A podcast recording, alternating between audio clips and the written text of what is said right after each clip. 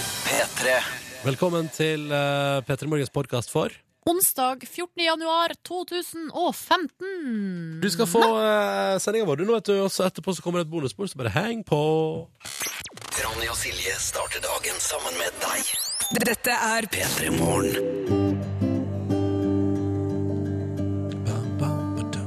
Onsdag. Ett skritt nærere helga, folkens. Dette skulle vel gå greit, tenker jeg. Ja, får håpe det, i hvert fall. Ja, vi pleier å klare det. Nei, men hei, Markus. Nei, men hei. Hvordan går det med deg i dag? Ehm, det går bra. Jeg snusta, snuste veldig lenge i sengen min i dag. Det gjorde jeg òg. Og vet dere hva? I dag hadde jeg en situasjon som kunne gått skikkelig gale. OK. Fordi jeg har jo vanligvis alarmen på ti over fem. Ja. Eh, og da skal jeg stå opp, og da rekker jeg akkurat det jeg skal gjøre. Eh, og så kom jeg til meg sjøl, og hadde lagt mobilen under hodeputa mi, og klokka var ti på halv seks. Oh, oh, oh. Og da hadde jeg skrudd av Oi. alt av alarmer. Men så våkner jeg av meg sjøl, og der tenker jeg at der har Gud vært med meg. Eller andre høyere Det er makter. eh, radioånden som bor veldig godt inni deg. Hallo, nå må du stå opp og komme deg på jobb. Ja, jeg hadde ikke lagd alarmer, jeg heller, så jeg måtte hele tiden eh, Men jeg, jeg satt på nye alarmer hele tiden. Så satt på ny hvert femte minutt, på en måte. Ja, ja, ok. Og altså, I stedet for å snuse, så bare skrudde du av alarmen og satte på nytt tidspunkt bare fem minutter seinere. Korrekt. Så utrolig smart. Og nå, fortell, oss at du, fortell oss at du har hatt en helt normal morgen nå. Nei, fordi jeg òg sjøl har hatt et eh, snusproblem. Altså, jeg snuser hver morgen, det er helt planlagt. Jeg har to alarmer, snuser med hver alarm én gang hver. Så da, er det, da ringer jo klokka da fire ganger. Så står jeg opp. Mm. Men Men jeg det jeg liker best med det, er jo at du har ei rutine på snusinga di. Ja, ja, ja, det er planlagt snusing. Og, men i dag så har det gått Det er et eller annet som har skjedd feil. Fordi at da har jeg skrudd av den ene alarmen. Og da har- har det blitt kluss i rutinene. Snuserutinene. Ja, det har rett og slett blitt kluss, så jeg jeg kom meg vel opp fire minutter for seint. Å, men det gikk jo bra, da. Ja, men eh, da måtte jeg liksom spurte til bussen. Åh, det Og gjorde den evige- vanligvis så sprenger jeg jo bare det siste, det siste stykket, som er kanskje 50 meter. Men nå måtte jeg sp- springe kanskje 200 meter. Jeg fikk til alt jeg skulle i vanlig tempo i dag. Det eneste som gjorde Eller det eneste jeg endra på, var øh, For å være litt intim her, et litt kortere dobesøk. Og øhm, jeg har funnet løsninger hvis du ikke har tid til å ta en dusj, på en måte. Eller, altså, du har, eller, men du må s- kjappe deg litt. Ja. Da må man sløse med såpe og sjampo. Så fordi da liksom For da, sle- da er det liksom bare sånn OK, da bare tar jeg ekstra masse, så bare gnir jeg overalt. og Så Ja, går det fortere. riktig. Altså, du Skjønner. dusja, men bare veldig kjapt. Ja, ja, det stemmer. Det var vel det jeg prøvde å si på veldig mange ord. Ja. Hvis du har dårlig tid med dusjen, dusj kjapt. Ja, der har vi det, der har vi det. Velkommen til oss, du der ute som hører på. Du som er våken samtidig med oss, tidlig, tidlig på morgenen, før resten av Norge har våknet til liv. Vi er liksom morgengjengen, vi. Her nå. Og vi vil gjerne høre fra deg der ute. Hvordan går det med deg i dag? Har, det- har det gått sånn som det skal gå, eller har det gått over styr? Det går ofte over styr. Mm. Kanskje ting går over styr etter hvert. Men prøv å sørge for at det ikke skjer. Ja, ikke sant? Kodeordet P3 det skriver du først i tekstmelding, som du sender til 1987. Eller så kan du benytte deg av eh, Og det vil jeg gjerne ha litt mer eh, fokus på i dag. Altså, Ja. Eh, hashtag P3morgen på Instagram. For nå jeg vil se flere bilder av lyttere som er i gang med en ny dag. Er ikke det lov å si? Ja, vis oss morgenen din, da. Det var deilig. I går eh, så var det en fyr som eh, la ut et bilde av at han leste Klassekampen og hadde litt lys eh, på bordet og hørte på P3morgen med hashtag P3morgen. Så koselig. Ja, det var veldig hyggelig å se. Mer sånne ting. Hashtag P3morgen på Insta. Del oss din morgen. P3. Klokka er ett minutt på halv sju. Og vi lurer på hvordan det står til med deg der ute i dag. Hvordan går det med deg som er en del av morgengjengen vår, vi som er oppe før resten av landet? Har du det fint i dag? Her, for eksempel, så står det rett og slett bare Det er en dårlig morgen. Jeg har laga te, men alle teskjeene mine er borte. Og jeg bor aleine. Ja, og det der, Jeg merka meg den SMS-en der, fordi at jeg, jeg har litt samme fenomen hjemme hos meg. Det virker som at det er noe med teskjeer. Det er akkurat det samme som med sokker. At de forsvinner etter hvert. Men kan det være at eh, oppvaskmaskinen sluker deg? Ja, Nå har jo ikke jeg oppvaskmaskin, så det vil jo i så fall være veldig rart Ja. hvis mine eh, teskjeer har forsvunnet i oppvaskmaskinen. Har du sjekka nedi sluket i eh, vasken din? Kanskje det ligger ei teskje som er gjemt nedi der? Ja, For de er jo så små, vet du. ja, de er nok ikke så små. Jeg tror jeg vet, jeg vet svaret. her, skjønner Ja, du. Mm. Bruker du av og til teskje, for eksempel? til- La oss si at du skal lage taco, da, så har du teskje i rømma. det hender jeg har, ja. Ja. eh, og jeg ser for meg at det er kanskje akkurat samme som den ene fatale gangen min i NRK-kantina, der jeg skulle kaste eh, restene på f- tallerkenen min. ja. eh, i søpla. Og så røyk det med noe bestikk. Eh, og da var ikke jeg han som grov i søpla for å finne tilbake det. Nei, det, skjøn- det samme har skjedd med meg i kantina her borte. Men eh, hvis jeg mister eh, bestikk i søpla hjemme hos meg sjøl, så tar jeg det jo ut. Såpass Hvis eh, egoistisk du har, lagt, er jeg jo. hvis du har lagt noe, laget noe skikkelig, skikkelig grisete greier, Ja, jeg tror jeg tar det nok opp. men- uansett, liksom Ja, jeg tror, men jeg tror kanskje det- løsninga heller kan være at jeg f.eks. har hatt med meg Kiwi eller f.eks. yoghurt på jobb, og Åh. hatt med skje hjemmefra. Og så eh, har jeg ikke evna å få med meg de skeiene tilbake. Jeg tror det kan være svaret. Jeg beklager, Nå, eh, nå, vet jeg le, fordi nå ser jeg i innboksen vår at responsen på den Kani-låta er ikke overveldende fra P3 Morgens lyttere i dag. Nei, det står Thomas skriver Hva er det her autotune-monsteret? Verste jeg har hørt, tar livet av den før det sprer seg. Så ille er det ikke, du, Thomas. Nei, men det var mye autotune. Ja, men det er jo det han eh, på, eh, Kanye West er jo eh, den første hiphop-artisten jeg kjøpte plate til i mitt liv. Å! Ja, eller det vil si, den, ko- eller jeg kjøpte meg den eh, debutplata til Kanye West, den College Dropout, samtidig som jeg kjøpte soundtracket til 8 Mile, for det òg syns jeg var litt eh, staselig. Eh, men i alle fall, eh, og jeg har vært stor fan gjennom de, og spesielt gjennom de liksom, tre albuma som var eh, der han uh, rappa, da. Ja. Men så kom jo det 808s and Heartbreaks-albumet der alt var autotune. Eh, og Ja. det syns jeg var Jo, det var et par hits der, men det var noe slitsomt også. Ja. Eh, og så kom jo han for et par år siden med det der med- det Nightmare-albumet sitt, der det var All of the Lights og Monster og sånn. Ganske så sweet album. Og Veldig spent på hva som kommer nå, da. For dette er da første drypp fra noe nytt noe. Men tror du at autotune kan være avhengighetsskapende? tror jeg. At hvis man har begynt med det, sant, så klarer man ikke å stoppe. Litt sånn som med hvis man tar solarium eller eh, Nå må jeg prøve å komme på noe annet. Ja, narkotika, da, eventuelt. Narko ja, ja, ikke sant. Men Ja. jeg prøver å finne noe annet eksempel som ikke er narkotika. Som ikke er sånn tydelig avhengighetsdannende. Ja, Ja, ja. jeg skjønner. Nei, men, men det tror jeg, ja, det det tror jeg. Og så tror jeg kanskje at Kanye tenkte sånn Fader, pulla ofte der med å synge ganske bra. Hæ? Tror du kanskje eh, Kim Kardashian har sagt det til han også, til og med hjemme sånn Kanskje han har sunget til hun eh, lille Hva er det hun heter igjen? Ja, Kidden. Kidden. Sånn der. Og så sier eh, Kim Kardashian North. Å, Jeg tror Northwest. Northwest, ja. Hæ? Å, du er så flink til å synge, Ja. Kanye. Du, er helt ny, du har en nydelig stemme. Og da, eh, så han synger jo med autotune hjemme også, selvfølgelig. Ja. Går rundt med sånn autotune-app. Ja, sånn boks. Ja, ja, ja, og bare «Hurra!» Ja. P3 til 1987, hvordan går det der ute? Vi vil høre fra deg. Eh, eller bruk hashtag P3morgen på Insta. I dag, Silje, Mm. går det ut ei T-skjorte til et av bildene som ligger ute på Insta med hashtag P3morgen. Eh, rett og slett en, en, Hvis du som lytter tar en Jeg vil ha en selfie. Jeg vil ha en selfie av deg som hører på oss på morgenen med hashtag P3morgen. Kult, kan jeg òg vinne? Nei. Nei, men du kan få Hvis du gjør det, så kan du få heder og ære, hva? Ja, vi får se om jeg gidder. Det går bra for Jonas og Stine, da, som eh, jo eh, har vært med oss eh, som eh, Hva heter det? Ny Nypendlere. Nybakte pendlere. Der var det nybakte pendlere. Ja. Fordi de har eh, begynt å pendle inn mot eh, hovedstaden eh, og melder at de spiser frokost eh, i bilen på vei inn til jobb i dag. Og at det ikke er noe eh, problem å pendle inn til Oslo i bil. Så eh, hyggelig å høre, da, Jonas og Stine. Alle pendlere. eh, bruk, det er veldig få pendlere som bruker tid på å si at de har det hyggelig. Så da syns vi det er hyggelig de sier hei. Ja. Så har vi fått melding her fra en eh, fyr som har sendt eh, Han har sendt oss et bilde på MMS, for det går også an. I tillegg til å ta bilde på Instagram og hashtag med P3morgen. Mm. Magnus han skriver eh, 'felfie', hvis dere har hørt om det. Det er altså farmer selfie. Nice. Og det er kalkunbonde Magnus som står Han er jo da i forgrunnen, selvfølgelig, som seg hør og bør på Å, en selfie. herregud! Ja, og det er en million med kalkuner bak han. Å, shit! Det var helt enormt. Helt fantastisk. Du, det, Og- det er så tett i tett med kalkunbakken at jeg la ikke merke til det da jeg så på bildet første gang, fordi jeg Nei. tenkte «Å, fin bakgrunn. Eh, Sikkert et gøyalt tapet. Men det var det ikke. Det var altså kalkun overload. Det er kalkun overload. Så liker jeg at eh, her, så kalkunene er jo sikkert ikke så lett å dressere, men Magnus her, han har fått noen av dem til å se inn i kamera i lammene, Mm. mens det resten er bare å virre rundt der som, som vanlige kalkuner. Og så har jeg også fått eh, selfie på e-post fra Espen.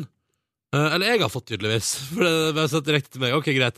Men eh, han har iallfall på seg eh, headset og Offspring-T-skjorte, da.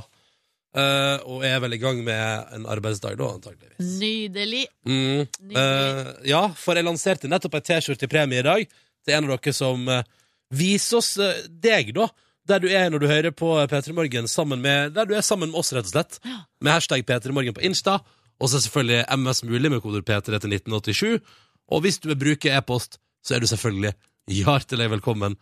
Og da er mailadressa vår p3morgen krøllalfa nrk.no. Yes. Ta med deg meldinga fra Markus, da, som skriver eh, våkna siden, eh, Vært våken siden klokka halv fire, så til nå har dagen starta helt forferdelig. Ja.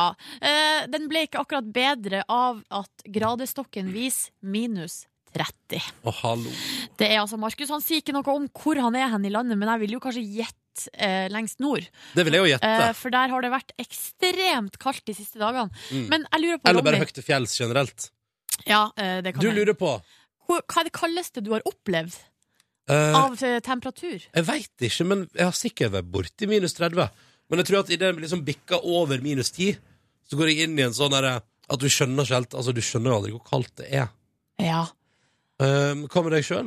Nei, jeg tror jeg har ikke opplevd noe med kaldere enn minus 20, kanskje. Det Eh, også, men nå er det jo sånne her effektive kuldegrader, og hvis det er vind og alt kan man ikke forholde seg til. Nei, Altså. det kan jeg ikke forholde meg til. Men Fordi det må eh, du regne på. aldri opplevd Altså, jeg har bare lyst til å oppleve en gang, sånn som nå. i Det, det har jo vært minus 40 nesten i, eh, i Karasjok Det og sånn. har det vel vært, ja. Minus 40. Eh, hadde ikke det vært artig å oppleve det en gang? jo, én gang. Så kan Eh, man eh, gå ut og kaste sånn kokende vann i lufta, Ja. så det blir til snø og bare Det er yeah! helt kongen, og det har jeg så Ja. lyst til å oppleve. Det har jeg forresten gjort det en gang, tror jeg. Ja, jeg tror jeg har, jeg har gjort det, så da må det ha vært eh, relativt eh, kjølig. Men eh, det, det som jeg tenker med å oppleve det Ja, jeg har lyst til å oppleve det, men eh, det hadde vært deilig å ha muligheten til å skru det av. Ja, jeg skjønner hva du mener. Og det får du ikke i det virkelige livet, da. Nei, man gjør ikke det. nei, man gjør ikke det. P3 til 1987, hvordan går det der ute? Er det flere som er i 30 deilige kuldegrader? Maria Mena og You're The Only One, det som var hennes internasjonale gjennombrudd eh, på singelfronten. Og så reiste hun over til Amerika og skal opptre på Letterman Show, og så gikk det ikke så bra. Men fortsatt en helt fantastisk låt. Jeg husker da den kom, husker hvor hodestups ja, forelska i låta, går det an å si? Ja, Ja, jeg var, jeg var men det. eh, kjenn meg igjen, Fordi den der traff meg også på en lignende eh, måte. Fantastisk, fantastisk. Mm. En titt på avisforsidene. Det er den 14. januar, det er onsdag, det er snart helg, folkens. Det går bra, dette her. Yes. Eh, og på forsiden av Dagens Næringsliv i dag, stor sak. Det handler om eh, Facebook. Det handler om, La du merke til før jul, Silje, at Facebook sa til deg oppe, og minner deg på flere ganger sånn Hvis du fortsetter å bruke Facebook etter 1. januar 2015, så godtar du automatisk våre nye personverninnstillinger, altså Eh, våre nye nei. retningslinjer. Hva, Jeg har bare sånn filter mot alt sånt. Jeg bare driter i det. Men det, du ble iallfall opplyst om det. det stille. Forbrukerrådet raser over det da, og blir provosert. Det er en fra Forbrukerrådet som uttaler seg her. Fordi, for eksempel, ehm, så sier Facebook med eh, sine endringer nå at du får mer mulighet til å bestemme hvem som ser tingene dine på Facebook. Ja. Mer personverninnstillinger som du har muligheten til å ta kontroll over sjøl. Samtidig stiller jo da Forbrukerrådet spørsmål ved men hvorfor skal Facebook samle inn enda mer info om deg. Har du den Messenger-appen til Facebook på mobilen din? Yes. den, uh, i det du installerer den, så har du også gitt samtykke til at Facebook har tilgang til. De bruker det ikke, sier de, men de har tilgang til alle tekstmeldingene dine. Ja, på SMS-en, liksom. Ja, på vanlig SMS, liksom. Ja. Eh, og så har de tilgang til kontaktene dine, eh, og, og det er liksom eh, Og forbrukerrådet lurer på hvorfor i alle dager de skal ha det. Men de Mm. har det nå en gang, da. Og der er jeg sånn derre Men der har jeg ikke sagt ja til å knytte mitt telefonnummer til det, for eksempel. OK. Nei, har jeg Nei. sagt til det. Jeg Men- sier alltid nei på sånne ting. Men du har installert den appen. Ja da. Du må gi Facebook tilgang til kontaktene på telefonen din for å kunne installere den. Ja, da har jeg Så liksom gjort det, da. da har du vel gjort det. Men det som er, da, og det som er interessant, er at jeg er jo alltid litt sånn der skeptiker eh, når nye ting kommer. Jeg, jeg jobber jo Altså, jeg begynte ikke å bruke den Messenger-appen til Facebook før det liksom Det var ikke mulig å lese meldinger uten. Mm. Men det er ikke fordi at jeg er så opptatt av personvern. Det er bare fordi at jeg hater å installere ting, ta det i bruk, registrere meg, bli medlem, og så finne ut at nei, dette vil jeg ikke likevel. For Men har da du på er en det måte- bare å slette, ja, da. men Du har jo allerede lagt igjen spor og oppretta konto. skjønner du hva jeg mener? Ja. Så det, det, det, ligger- Der ligger min skepsis. Og jeg har jo for eksempel, og Facebook har liksom all info om meg. Og Det har for eksempel også all info om hva du driver med ellers på nettet. I tillegg til at du er på Facebook, så vet jeg alt du driver med ellers også. Men, men det som er clouet, er at jeg stoler på Facebook. Mm. Det går, ja, men det går fint. Men, men jeg bare sier at det er jo interessant, for all den tid Facebook har all den infoen om deg, Ja. så veit vi at verden er såpass oppegående at det fins noen der ute som hvis de vil, sikkert kan få tak i det. Å ja da. Å Ah. ja da. Men dette er en stor sak om på forsiden av Dagens Næringsliv. Jeg lurer på om vi skal klippe ut det der og bevare det til senere tid, at du, Ronny, sier Jeg stoler på Facebook! Ja, men det gjør jeg! Og så skal vi se om liksom, det kommer tilbake og biter deg i ræva. Vi får se. Vi får se. vi får se. Eh, Forsida av Aftenposten, der står det 'Kinas mektige leder knus opposisjonen'. Eh, Og det er jo litt interessant, da, at mens hele Europa er eh, flammende opptatt av eh, ytringsfrihet, så, Så kan eh, du bare gi faen i det i Kina. så benytter Kina anledningen til å fengsle stadig flere for sine meninger. Da. Mm. Eh, Det syns jeg jo er litt sånn paradoks, eh, da. Og så eh, gode nyheter, Ronny, på forsida av VG til Kan jeg bare oss. skyte inn kjapt om Kina der? At Ja, det er ingenting Det er ingenting som overrasker meg hva gjelder Kina lenger. Nei. Ingenting. Gode nyheter eh, til oss som er litt treg med feriebestilling. Er du en av de? Ja, ja, ja. Jeg liker Altså, jeg mener at eh, det skal gå an å bestille ferie på ei ukes varsel. Ikke sant? Eh, samme gjør jeg. Eh, og nå er det gode nyheter til oss eh, som er litt treg på avtrekkeren. Oss med beslutningsvegring. Yes, eh, På forsida av VG står det 'Vent med feriebestillinga'. Eh, og det er jo januar, ikke sant? Eh, Januar er visstnok på topp i antall eh, feriebestillinger. Ja. Eh, mange årsaker til det. Kan, altså folk har kanskje fått lønn eh, Ja. etter å ha vært litt fattig før eh, jul. Det er kaldt ute og mørkt ute, Mm. og Norge er på sitt eh, dystreste. Og så har jo da kanskje gjerne familien vært samla i jula Og og prater om det. prata og bestemt seg om hvor man skal reise. Eh, og så kommer man tilbake til hverdagen, og så bom, bestiller man. Og så er det masse kampanjer og sånn, ikke sant. Men her skriver eh, VG at det er en undersøkelse som Travellink har gjennomført, eh, som viser at januar faktisk har den høyeste snittprisen av alle månedene i året. Ja, og det er tross nyttårssalg, du. Det er tross kampanjer og eh, at det, til sy altså det, For at på meg så virker det jo som at de kaster billettene etter oss. Gratis, nesten. Mm. Men så er det altså ikke det tilfellet. Jeg mener jo at hvis det Jeg er så langt unna å vite når jeg har ferie i 2015 ennå. Skjønner du hva jeg mener? Jeg, for- jeg, jeg blir imponert over de som allerede nå veit når sommerferien kommer. Hvis jeg skal gjette, så tror jeg vi har ferie i påska og i juli. Vi får se, da. Veit aldri hva som skjer. Nei, vi har jo ikke det. Og så har vi prata om eh, hva som er det kaldeste vi har opplevd av temperaturer. Det har vi fått eh, tekstmeldinger på. Lastebilrunar fra Åndalsnes melder at han eh, har opplevd minus 38,5. Han var i Folldal, og han var dum nok til å gå ut med vått hår etter å ha dusja og skulle på fest. Nei, det må du ikke gjøre! Hvor fort fryser det til is, da? Det må Vet du være hva? Du tror det er sånn som ehm, Å, hva s- er det Hvor er det Hva slags TV-serie er det der liksom ting blir til is? Ehm, sånn Er det Narnia? Jeg lurer på den Narnia, jeg. At det bare frrm, og så er det is liksom, Ja. i stedet for vann. Jeg lurer på om det er sånn det foregår. Rrm, så var det is. Jeg tror det.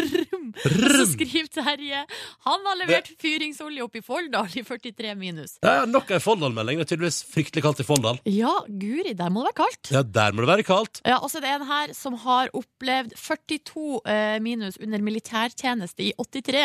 Det er altså Roger på Hamar. Hei, Roger! Og så eh, strømma det jo inn med litt bilder, da. Det er jo kjempekoselig. Og vi har fått melding her, og det her syns jeg er så artig. Fordi Store-Tommy har sendt melding.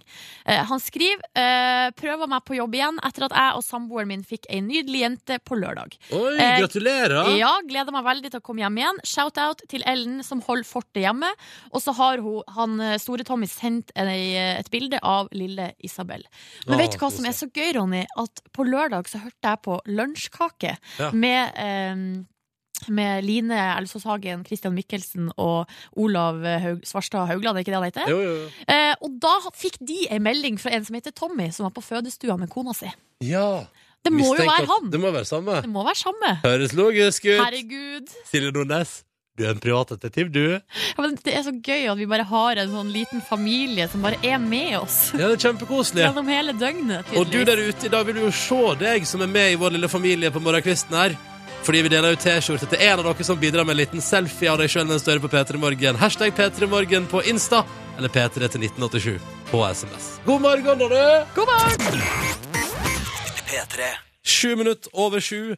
Og du hører på P3 Morgen, så hyggelig at du er med oss. Minner om, eh, Nå skal vi straks ha vår vanlige konkurranse, men minner om at vi også litt på improvisert eh, på sparket i dag har dratt i gang Ikke konkurranse, men en slags sånn derre I dag har vi lyst til å dele ut ei T-skjorte eller to til noen av dere som eh, vil dele. Fordi vi er jo her, og så er du der ute foran en eller annen radio i en eller annen form. Enten du har på deg Peltor-headset, eller har radioen stående på enten i bil eller på kjøkkenet, eller en helt annen plass. Vi vil se deg. Så en selfie i dag med hashtag P3morgen på Instagram kan belønnes med T-skjorte. Ja, det, eller det kommer, til å bli, ja eh, det kommer til å bli delt ut to T-skjorter. Ja, ja, ja, Ja. Det blir fint det der. Så vi vil gjerne se deg, kjære lytter. Du som er med oss på morgenen, du som er en del av morgengjengen vår. Hashtag P3morgen på Insta. Ta en gøyal selfie i morgenkalaset ditt. Gjør det, da vel! Mm. Men nå skal vi dele ut større ting enn T-skjorte, for å si det sånn, da. Ja, fordi nå har vi en DAB-radioadapter og eh, morgenkåpe og T-skjorte i potten. Det er det vi spiller om. Det er det vi spiller om. Åh, det likte jeg at du sa. Det er det vi spiller om. Hørtes det ut som jeg var sånn der utdeler i i Las Vegas? Nei, det hørtes ut som du var gameshow-host, at du kunne stått ved siden av Sturla Berg Johansen på TV 2 der og sagt sånn Det er det her vi spiller om. Drømmejobb! Det er sånn. Si det en gang til, da, Silje. Si det en gang til, da. Det er det vi spiller om. Nei, jeg begynte litt for grovt. Ja, ja, OK. Det hørtes bra ut. Hørtes Ja, bra ut. bra. All right. Og de som spiller i dag, det er Ivar. Hallo! Hallo. Velkommen til vår konkurranse.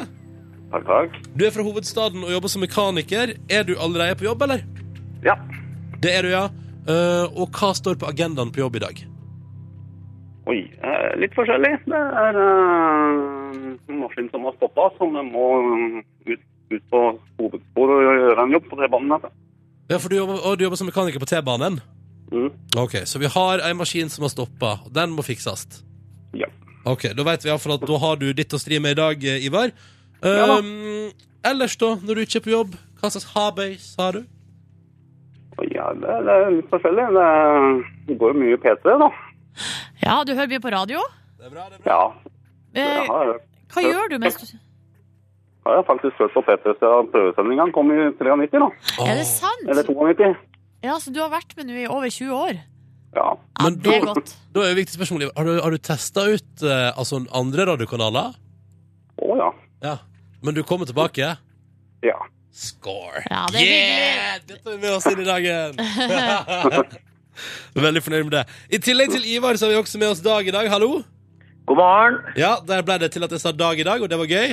Eh, du er lærer, Ja, jeg er lærer. også i hovedstaden. Er du på jobb?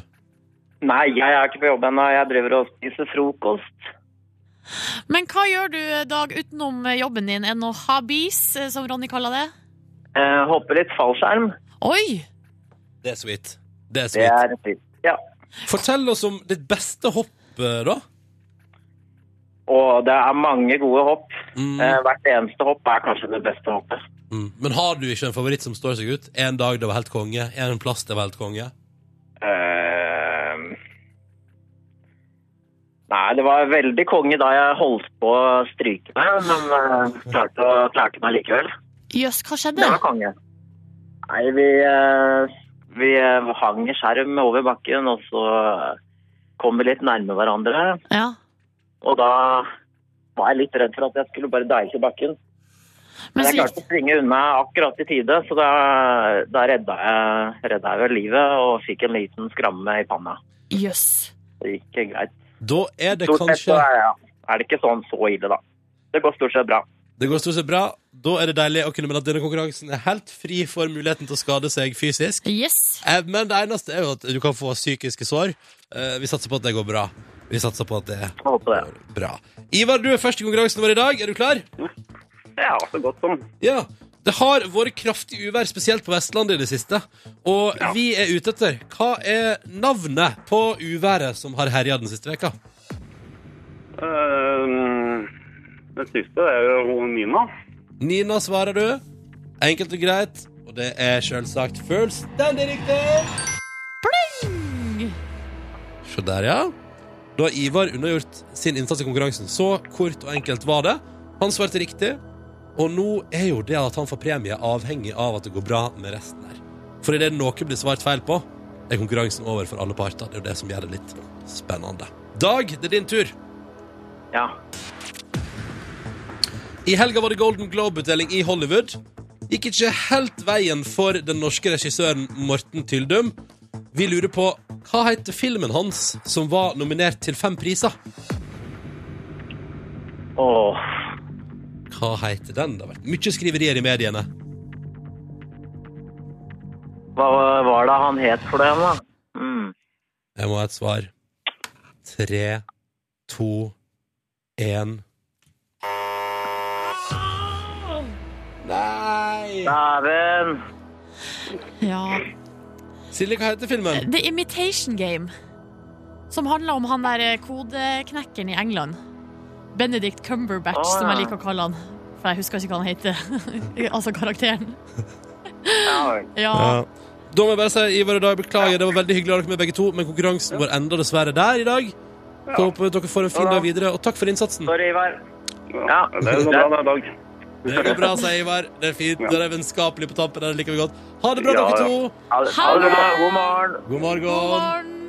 Men det kommer jo en ny sjanse i morgen, og hvis du har lyst til å være med og eh, spille, du vet hva vi har i potten, så eh, Ja, for det er potten vi spiller om, Det Silje. er potten vi spiller om her, og da eh, tar du og plukker opp telefonen hvis du har lyst til å være med. Ring nummeret 03512. 03512 er nummeret. Vi har linjene åpne i fem minutter, så ikke nøl med å ringe. Ikke nøl med å ringe. P3. Og i disse dager, akkurat nå, så dumper det innkallelser til sesjon ned i postboksen til de aller første, den aller første runden med kvinner som har eh, etter lovendring 1. januar eh, blitt innrullert i at også je- jenter er vernepliktige i dette landet her. Um, les om det på nrk.no i dag. Og så tenker jeg umiddelbart Silje Nordnes, Ja, Ronny Brede Aase. nå er du inne i ditt 30. år. Mm. Skulle du ønske at lovendringa om at kvinner også måtte utføre um, øh, verneplikt, øh, kom når Før, du- altså før? eh, for liksom tolv år siden, så Ja. Mm. jeg fikk eh, lov til å være med. Du, jeg vet ikke helt. Eh, Det er jo litt så vanskelig å tenke seg. Da må jeg på en måte se- ka- For at det som jeg gjorde det året der alle gutta var i militæret, de som var like gamle som meg, da jobba jo jeg og festa og dro til Mexico. Var det det året du øh, festa deg nesten i hæl på Hamarøya der? Stemmer det? Ja. Ble I stamkunde. hæl! Jeg hadde det jo megaartig. Ja, ja, ja. Men, men jeg lurer på, fordi eh, La oss nå da eh, resonnere, fordi jeg har jo heller ikke vært i militæret. Nei. Har, hadde for dårlig syn, eh, blei sendt hjem igjen fra sesjon eh, med uforretta sak, og syns der og da at det var litt sånn eh, Det var kanskje litt, litt hardt stempel å få at liksom noen bare stempla og sa 'du er udyktig'. Ja. Og det udyktig-ordet er ikke så, det er ikke så Tjenesteudyktig. Nei, Det er ikke så koselige ord. Kunne de ikke sagt noe mer sånn koselig? Sånn her eh, Du får stå over. Dessverre Nei, ja, gratulerer, eh, du får ett år fri. Eller noe sånt. Gratulerer, du får leve videre, Ja. eh, men ikke i Forsvaret. Men, men så tenker jeg sånn, ok, hvis vi ser på det da, Ja. venner av oss som har vært i militæret, hva er det man kommer tilbake igjen og prater om? Det er jo, for det Samhold. første, samhold, ja. Ja. Gode ek- historier om ting som går helt skeis, eh, og ekstreme situasjoner man må inn i, helvetes veka og så videre. Eh, og ikke minst, alle jeg kjenner som var et år i militæret, til og med de største rabagasta, eh, kom tilbake igjen med en ørliten anelse mer disiplin. Ja, litt rakere i ryggen, kanskje. Lært seg å vaske og brette klær og reie opp seng og sånn, som er jo positivt. Jeg skulle gjerne hatt et år der jeg ble tvunget til å vaske mer. Ja. Eh, fordi eh, det er veldig lett å la være når man aldri har blitt tvunget til det i hele sitt liv. Ja. Det kjenner jeg på. Eh, Jeg kjenner jo på at selv om jeg ikke skulle vært foruten mitt eh, heisalivår eh, rett etter videregående der, så tror jeg det kunne vært artig å prøve, for at jeg tror man får, man får utfordra seg sjøl. Kjenne på liksom eh, k- både Altså, det er jo sikkert eh, noen nedturer, du må liksom opp hver eneste dag og sånn, Mm. men det er jo også sånn Det er jo mestringsfølelse og de tingene der, og utfordre seg sjøl. Og så en annen ting, Ronny. Det er jo det er jo, man får jo ikke noe veldig mye lønn, men det er jo ikke så veldig eh, Det er jo ikke så kost Altså, du har jo ikke noe utgifter. Det er veldig sant. Du kan faktisk spare opp penger det året i Ja, militæret. eh, fordi du har jo ikke noe utgifter på mat, den type ting. Man reiser rundt i uniform, eh, reiser billig. Kan bli sendt til en plass i Norge der du aldri har vært før, Ja. og møte folk fra hele landet. Altså, det er jo mye positivt i det å være i militæret. Ja, og jeg tror jo, altså Kroppen min den begynte jo ikke å klappe sammen før etter jeg hadde fylt 20, så jeg kunne faktisk til og med kommet gjennom eh, nåløyet der. Så der, ja. Ja. Og kanskje hvis du hadde vært et år i Forsvaret, at kroppen din fortsatt var i toppform. ja Nei, det er vel å strekke jeg litt langt. tror mine kroniske lidelser som kom eh, ut i 20-årene der, de tror jeg var uunngåelige uansett. Det har jeg faktisk spurt legen om, fordi jeg var så bekymra på om de var livsstilspåført. Ja. Det sa legen at det ikke var. Det kan hende det var det året med kebab som ødela. Det året der Silje Nordnes spiste kebab minst. Hvor mange ganger i veka var det? Det var vel minst én, men det var vel gjerne tre. Åh, hva jeg- nok en gang. Åh, hvor gjerne jeg skulle kjent deg på den tida, Silje. Altså, Hvis det var noen som hadde godt av å bli sendt i militæret i 18-19-årsalderen, så var det vel meg. Samme her. Eh, Men vi ønsker iallfall alle dere kjære lyttere der ute som har fått inkanalisasjon, lykke til. Ja. Og så må man istedenfor å gå inn i det med negativt sinn, så er det jo bare å tenke på at sannsynligvis er det et år i livet som kommer til å gjøre deg til et bedre menneske. Og det skal ikke man kimse av. Nei. Å, du dæven, for en låt! Jeg blir helt gal av den låta. Det beste er at eh, jeg, Vet du hva, du sa sånn Og så har jeg hørt på den 50 ganger og sett sånn Ja, det tror jeg ikke på, men du kan jo For jeg har skilt teksten på en hel låt. Å, fy fader, ass. Ja, det der var Susanne Sundfør sin nyeste. Håper du satte pris på det. Jeg ser vi får tekst med det av folk som satte pris på det. Ja. Så gøy. Koder P3 til 1987. Åtte minutter over halv åtte. Dette var Delirious. Ronny og Silje starter dagen sammen med deg. Dette er P3 Morgen. Og vi er midt i veka. Det er onsdag, eh, og du må huske på det, kjære lytter, at hvis det føles tungt å stå opp i dag, eh, så kommer det til å bli bare bedre, fordi vi nærmer oss helga, og vi nærmer oss muligheten til å kunne ta helt fri på et eller annet tidspunkt der og bare nyte livet, ligge med beina høyt. Apropos beina høyt, i dag har vi en eh, liten uoffisiell konkurranse gående i Petter. Ingen, kon- det er ikke en konkurranse, vi vil bare vi vil se deg som vi deler morgenen med. Vi syns det er så utrolig trivelig hver gang eh, lyttere av P3 Morgen eh, viser oss seg sjøl i det miljøet man hører på P3 Morgen i. Så vi har sagt sånn Ja, fader heller. OK, da blir det T-shirts i dag til en eller flere som leverer en selfie med hashtag P3 Morgen på Instagram, eller som sender oss et bilde, en selfie, da, på SMS P3 til 1987. Og vi har fått en eh, selfie. Vil du ta den? Ja, eh, vi, har fått, eh, vi har fått flere her som har lyst til å ta over. Det er så mye artig. Eh, Vi har fått på SMS. Da er det ei jente som har sendt bilde av seg sjøl i heisen. Hun har tatt bilde av seg sjøl i eh, speilet i heisen, der hun står altså da med ene foten liksom oppå rekkverket og så bare bare, boom, ser planter den helt oppå eh, der. rå ut, liksom. Eh, Kul pei- stil! Kul stil peka inn i eh, speilet, og så står det bare teksten. Hørte på Peter Morgen og poserte mens jeg tok eh, selfie i heisen. Døra åpna seg, og sekundet etter jeg tok bildet, og der sto en gjeng med kjekke studentgutter. Peter Morgen, spurte han ene. Ja, svarte jeg og tok foten ned fra rekkverket. og det syns jeg bare Det maler et sånn nydelig bilde av, bilde av et sånn eh, fint øyeblikk da på morgenen her. Vi sender henne ei T-skjorte, da. Ja, vi gjør det. Ja, ja. S- eh, s- Svar henne, Silje Nordnes, og be om hennes adresse. Hun skal få T-skjorte i posten, og vi har planer om å dele ut flere. Ja, så har vi fått her på mail fra ei som heter Kaja. Eh, hun har sendt melding av seg sjøl og katta si. Hun har rett og slett lagd en sånn her eh, meme. Altså et, sånt, et meme, et bilde med tekst. Eh, det er bildet av Kaja og ei katt. Og så har hun skrevet da med sånne eh, store bokstaver, ikke sant. Dette er ikke fjeset til noen som har fått T-skjorte. Så ser de bare litt sånn trøtt og fin ut, da. Fy, fy, fy, fy. Ja. Og så har vi, apropos dyr, da. Truls og Leika har sendt oss et bilde her. Det er vel ikke Leika, altså hunden, som har sendt bilde. Det er nok eh, Det tror jeg ikke. Men veldig søtt bilde av de to hjemme, da. I ei, jeg antar, mørk eh, stue. Takk, Truls og Leika, for et hyggelig bilde. Også på Instagram. eh, Morten har lagt ut et bilde der der det står bare 'Hjemme i seng med haiene mine etter ei lang nattevakt'. Litt P3 Morgen på radioen før sovetid. Og da har han tatt bilde av seg. Dette er en voksen mann som har to kosehaier i senga si. så fint. Det syns jeg er meget hyggelig. Vi vil at du skal fortsette vi å dele med oss, altså. Ja, gjør det. Hashtag P3morgen på Insta. En liten selfie av deg som hører på oss der du gjør det akkurat nå. Eller hvis du ikke bruker Instagram som medium, så kan du bruke SMS-tjenesten vår P3 til 1987. Vi får om en 20 minutters tid besøk i P3 Morgen. Cecilie Skog og Truls Svendsen la på søndag på fjernsynet ut på en tur. De skal krysse Grønland, de. Eh, For dette er tydeligvis et eh, veddemål der Truls har sagt ja til å bli med på det i fylla. Vi skal høre hvordan det var eh, om litt i Petter Morgen. Og så har Truls sendt oss en morgenhelsing. Skal vi høre på den? Ja. Hei, hei, Truls her. Kommer snart til dere. Det er tidlig. Det blir gøy. Helvete. Kvart på åtte på en onsdag morgen, og det renner inn med selfies av deilige P3 Morgen-lyttere med hashtag P3 Morgen på Insta. Og jeg står og browser og scroller nedover og koser meg altså så enormt med det. Det er alltid fra tampus og Tupperware-bokser til kontorlokaler, kaffekopper eh, og utendørsjobbing og kjellerjobbing. Nei, det er helt nydelig. Helt nydelig er det. Helt, helt nydelig. En annen ting som er nydelig, er en eh, sladder som jeg har kommet over på internett. Kan jeg bare si nå at eh, hvis du hører oss på nettradio eller DAB, så står det nå eh, og dette er det Silje som har bestemt. Tidenes sladder, parentes, hvis det er sant. Nå gleder jeg meg. Ja, eh, fordi ehm, eh, kjendissladder det kan man bli litt sånn sliten av, Fordi det er jo veldig mye av det. Og så er det sånn hvem er i lag, hvem er ikke i lag? Ja, er det nå egentlig interessant? Men nå eh, så er det eh, et eh, par, eller det er to stykker som blir kobla sammen, eh, blant annet av eh, kjendisnettstedet TMC og mange andre sånne her eh, Hollywood eh, s- celebrity-sider på internett. Nå er jeg altså så spent. Det er eh, tidenes eh, partyboy og eh, singel, eller bachelor, liksom. Han er på en måte den mest ønska ungkaren i Hollywood.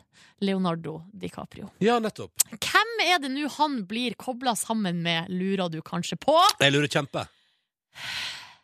Rihanna. Er det sant? Ja, er det sant? Det er det jeg òg lurer på. Fordi at greia er jo at Nei. det, altså, det er jo ikke bekrefta. Men de har altså begge to vært på en fest eh, i helga på Playboy Mansion sammen med en Jeg hel føler at ja.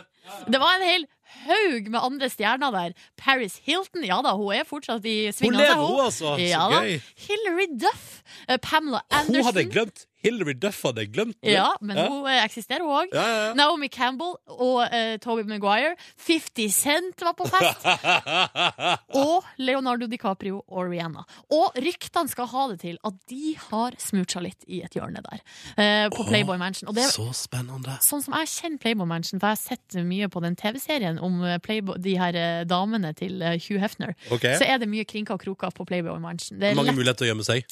mye, eh, mye krinker der, ja, som man kan eh, snike seg unna i og eh, smurte litt. Men det som er gøy her, Silje, er jo at Leonardo DiCaprio Altså, Rihanna hva, altså, hva- Da har Rihanna kanskje sittet der som Ja, la oss si tiåring, da, og sett på en voksen Leonardo DiCaprio i filmen Titanic, Ja. og så har tenkt sånn Tenk som alle ungpiker Åh, henger opp plakater på rommet sitt og drømmer Ja. en dag eh, rot med Jack. Ja.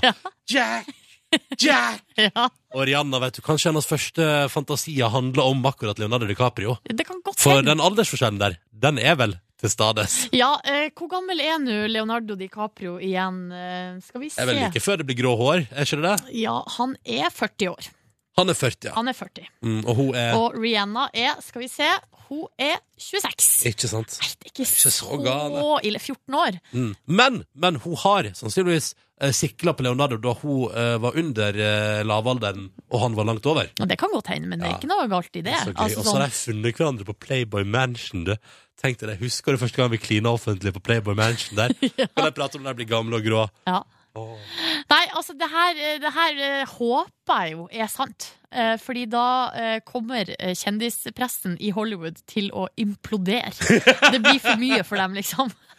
Overload! Ja, det blir sånn eh, Det første svart, sorte hullet eh, kjent på eh, jordens overflate, det blir eh, i West Hollywood. Det, det tror jeg også. Ja, Nei, men du, så spennende sladder. Jeg håper det er sant, jeg. Samme her. Ja, for det hadde vært veldig, veldig gøy.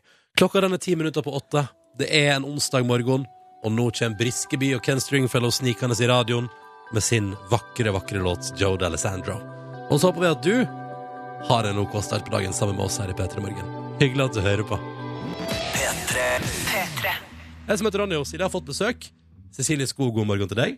God morgen. Og Truls Svendsen, god morgen til deg. Å nei, jeg må skru på mikrofonen. din. Sånn, hei. Hei, god morgen. Der var han, der var han. Åh. Å, så hyggelig å ha besøk av dere. Ja, hyggelig å være her. Vi er jo Veldig kjekt glad i å være her. P3 Morgen. Et nytt eh, tospann. I hvert fall sånn for vår Det hadde du del. ikke trodd. Nei, for Sist gang du var her, eh, Cecilie, så var du her sammen med din eh, samboer og eh, barnefar, Alexander eh, Gamme. Ja. Eh, Mm. da, var, hadde dere, da var det på tur, og nå er det på tur igjen. Mm. Men med en ny eh, fyr. ja, Nå er det er det viktig vel- å bytte litt partner av og til. Det er vel mer ytterpunkter nå. Ja, er det det?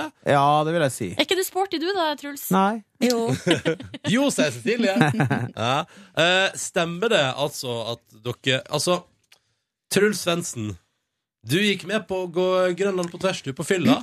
Ja, vi satt på Villa Paradiso, og så ga hun meg øl og vin og champagne.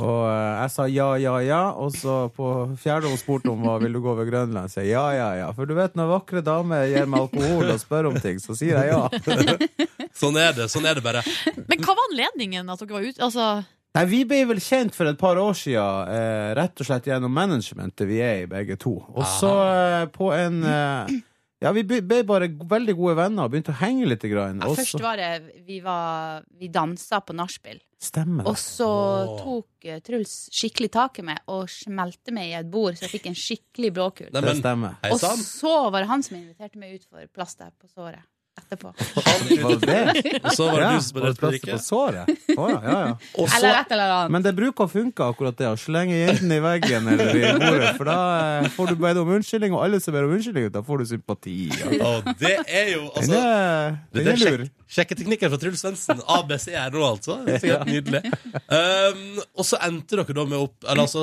Og så lurte da Cecilie deg, Truls, til å bli med på ekstremtur. Ja, jeg vil jo si, hun lurte meg jo ikke. Det, var jo helt, det har vært et helt fantastisk prosjekt, så jeg er veldig, ja, ja, ok, jeg er veldig glad hun lurte meg til det, da. Ja, ja. For å si det sånn, da. Ja, ja, ja. Men det skal jo også sies at litt av dealen var at hun skulle eh, innføre meg i friluftslivet, mens jeg skulle eh, gi, gi henne en del liksom, av utelivet. For det har ikke hun Cecilie gjort så mye. Jeg kan jo mat og drikke i Oslo. Det er jo jeg rågod på. Ja. Sant? Så vi, det var en byttedeal, det her, da. Bytte din. Har du fått noe ut av det, Cecilie? Ja, men så, så ble jeg jo gravid, da. Ja. Så, så da Med han Satt litt der på. Aleksander, altså. ja, riktig. Ja. Du, hvor, eller, hvor lenge er det siden babyen eh, kom? En måned. En måned. Ja. Hvordan er livet?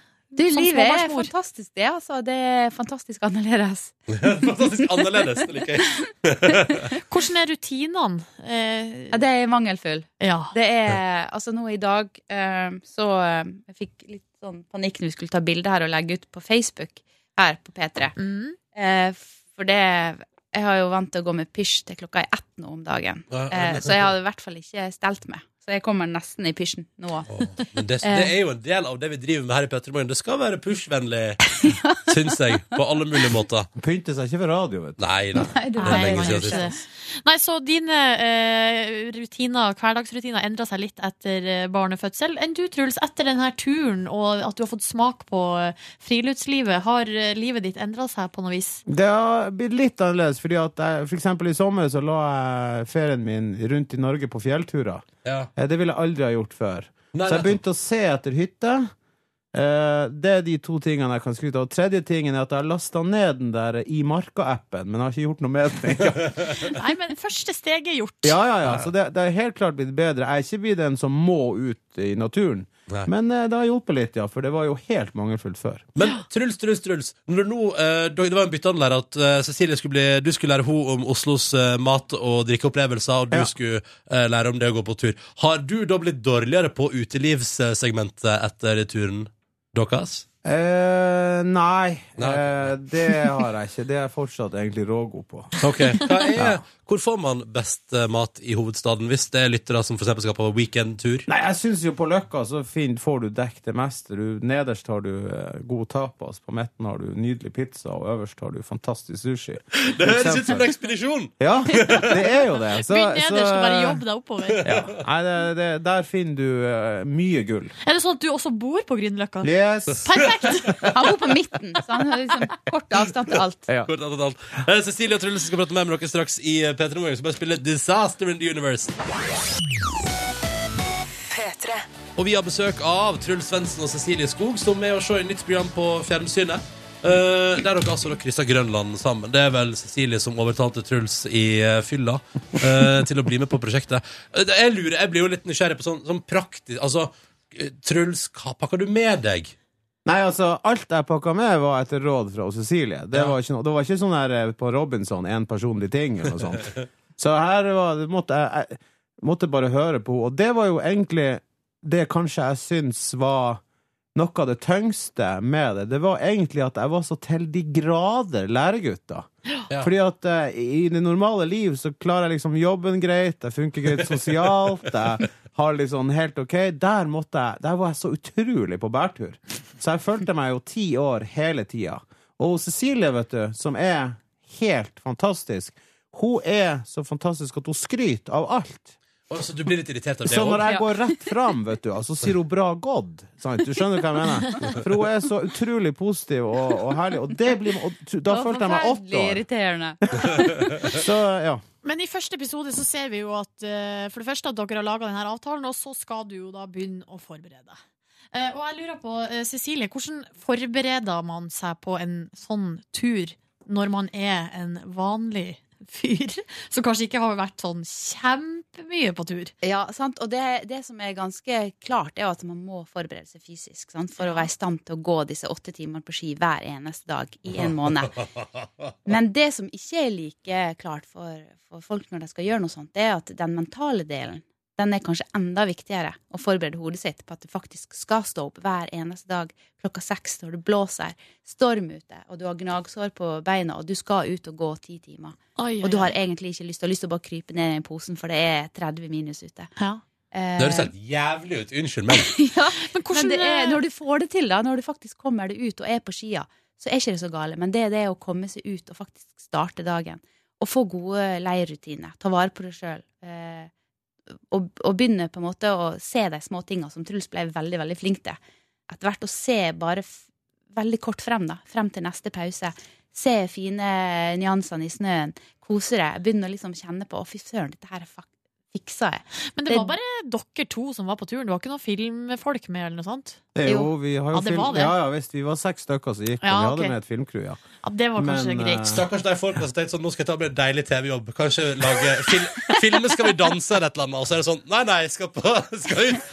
Det, det, det, var- det, Jeg skal det var- love deg, de to fotografene som var med Sveinung og Kristoffer. de, eh, de har jobba masse 71 grader nord, og de Aha. maste seg til det her. De hadde så lyst, og de elska det. Å, så deilig. Yes. Så de var bare, de var født i, i de rollene der. Men dere, dere eh, er i lag da ute på isen der i 30 dager. Hva snakker man om? Når man ikke har eh, internett og TV? Nei, men sånn at man får så mye tid til Ja. å prate og tenke på ting, Fordi det er jo det det er mest, eh, mest av. Det er jo tid. På det- og, Det er det det meste av, ja. ja, og da, eh, da blir det jo at man tenker på mye forskjellige ting, også som man filtrerer i teltet på kvelden. For når man går der på dagen, og det blåser eh, sterk vind i hetta, så er det, det blir ikke så mye prating i løpet av dagen. Det blir ka- korte pauser der man eh, ja, bare hører hvordan det går, og ja. Litt sånn praktisk. praktisk Ja, når det er fem minutter, så får ikke du liksom de dype samtalene. Men i, i teltet på kvelden når vi ligger i posene, da prater vi om alt mulig. Ja, og Om så vi skal det har gjort. sies at når du har gått da i åtte timer effektivt, du har vært ute i kanskje ti-tolv timer, den der eh, følelsen å komme i teltet, eh, det er sånn her ekstrem lykkefølelse. Så vi er så glad når vi er ferdig med en dag. Vi klarte en dag til. ja. Derfor er det egentlig veldig god stemning, og det er, det er sånn glede hele tida. Ja, det, Eh, så bortsett fra en og annen dag hvor jeg var litt sånn surpomp, som etter, siden det var jo jævlig langt, sant, så, så, eh, så var det egentlig veldig god stemning, og da prater vi om alt. Og jeg tror jo egentlig det som er litt kult, da, jeg og Cecilie, da, vi er ikke så ulike. Jeg tror det var det som gjorde at vi hang mye i lag. Vi var vi ble så gode venner, for vi har egentlig ganske lik syn på ting. og sånt. Men vi er bare helt forskjellige når det gjelder friluft og uteliv. det er ikke nå lenger. Cecilie, du var jo relativt nygravid eh, da dere begynte på turen. Ja. Prøvde å holde det hemmelig for en Truls. Hvor lenge klarte du det? Nei, det klarte jeg en stund, da. Men, eh, men så fikk jeg lyst til å fortelle det til han. Fikk Ja. lyst til å, at han skulle vite det. Men grunnen til at jeg holdt det hemmelig i starten, var fordi at jeg, jeg visste at Truls kom til å ta veldig hensyn til meg hvis han fikk vite det. Og det hadde jeg ikke lyst til. Irriterende. Irriterende. Ja, irriterende. Det er jo, tenk, tenk dere det. Altså, noen sier til meg 'Å, hvor tøff du er som gjorde det her'. Tenk deg hun, vet du. Ligger der gravid. Ekstra forsterka luktesans ved siden av 100 kilo som åpner soveposen på morgenen. Og det bare kommer ut både ja, det ene og det andre av lukta. Altså, hun er steintøff. Hun er så tøff. Ja.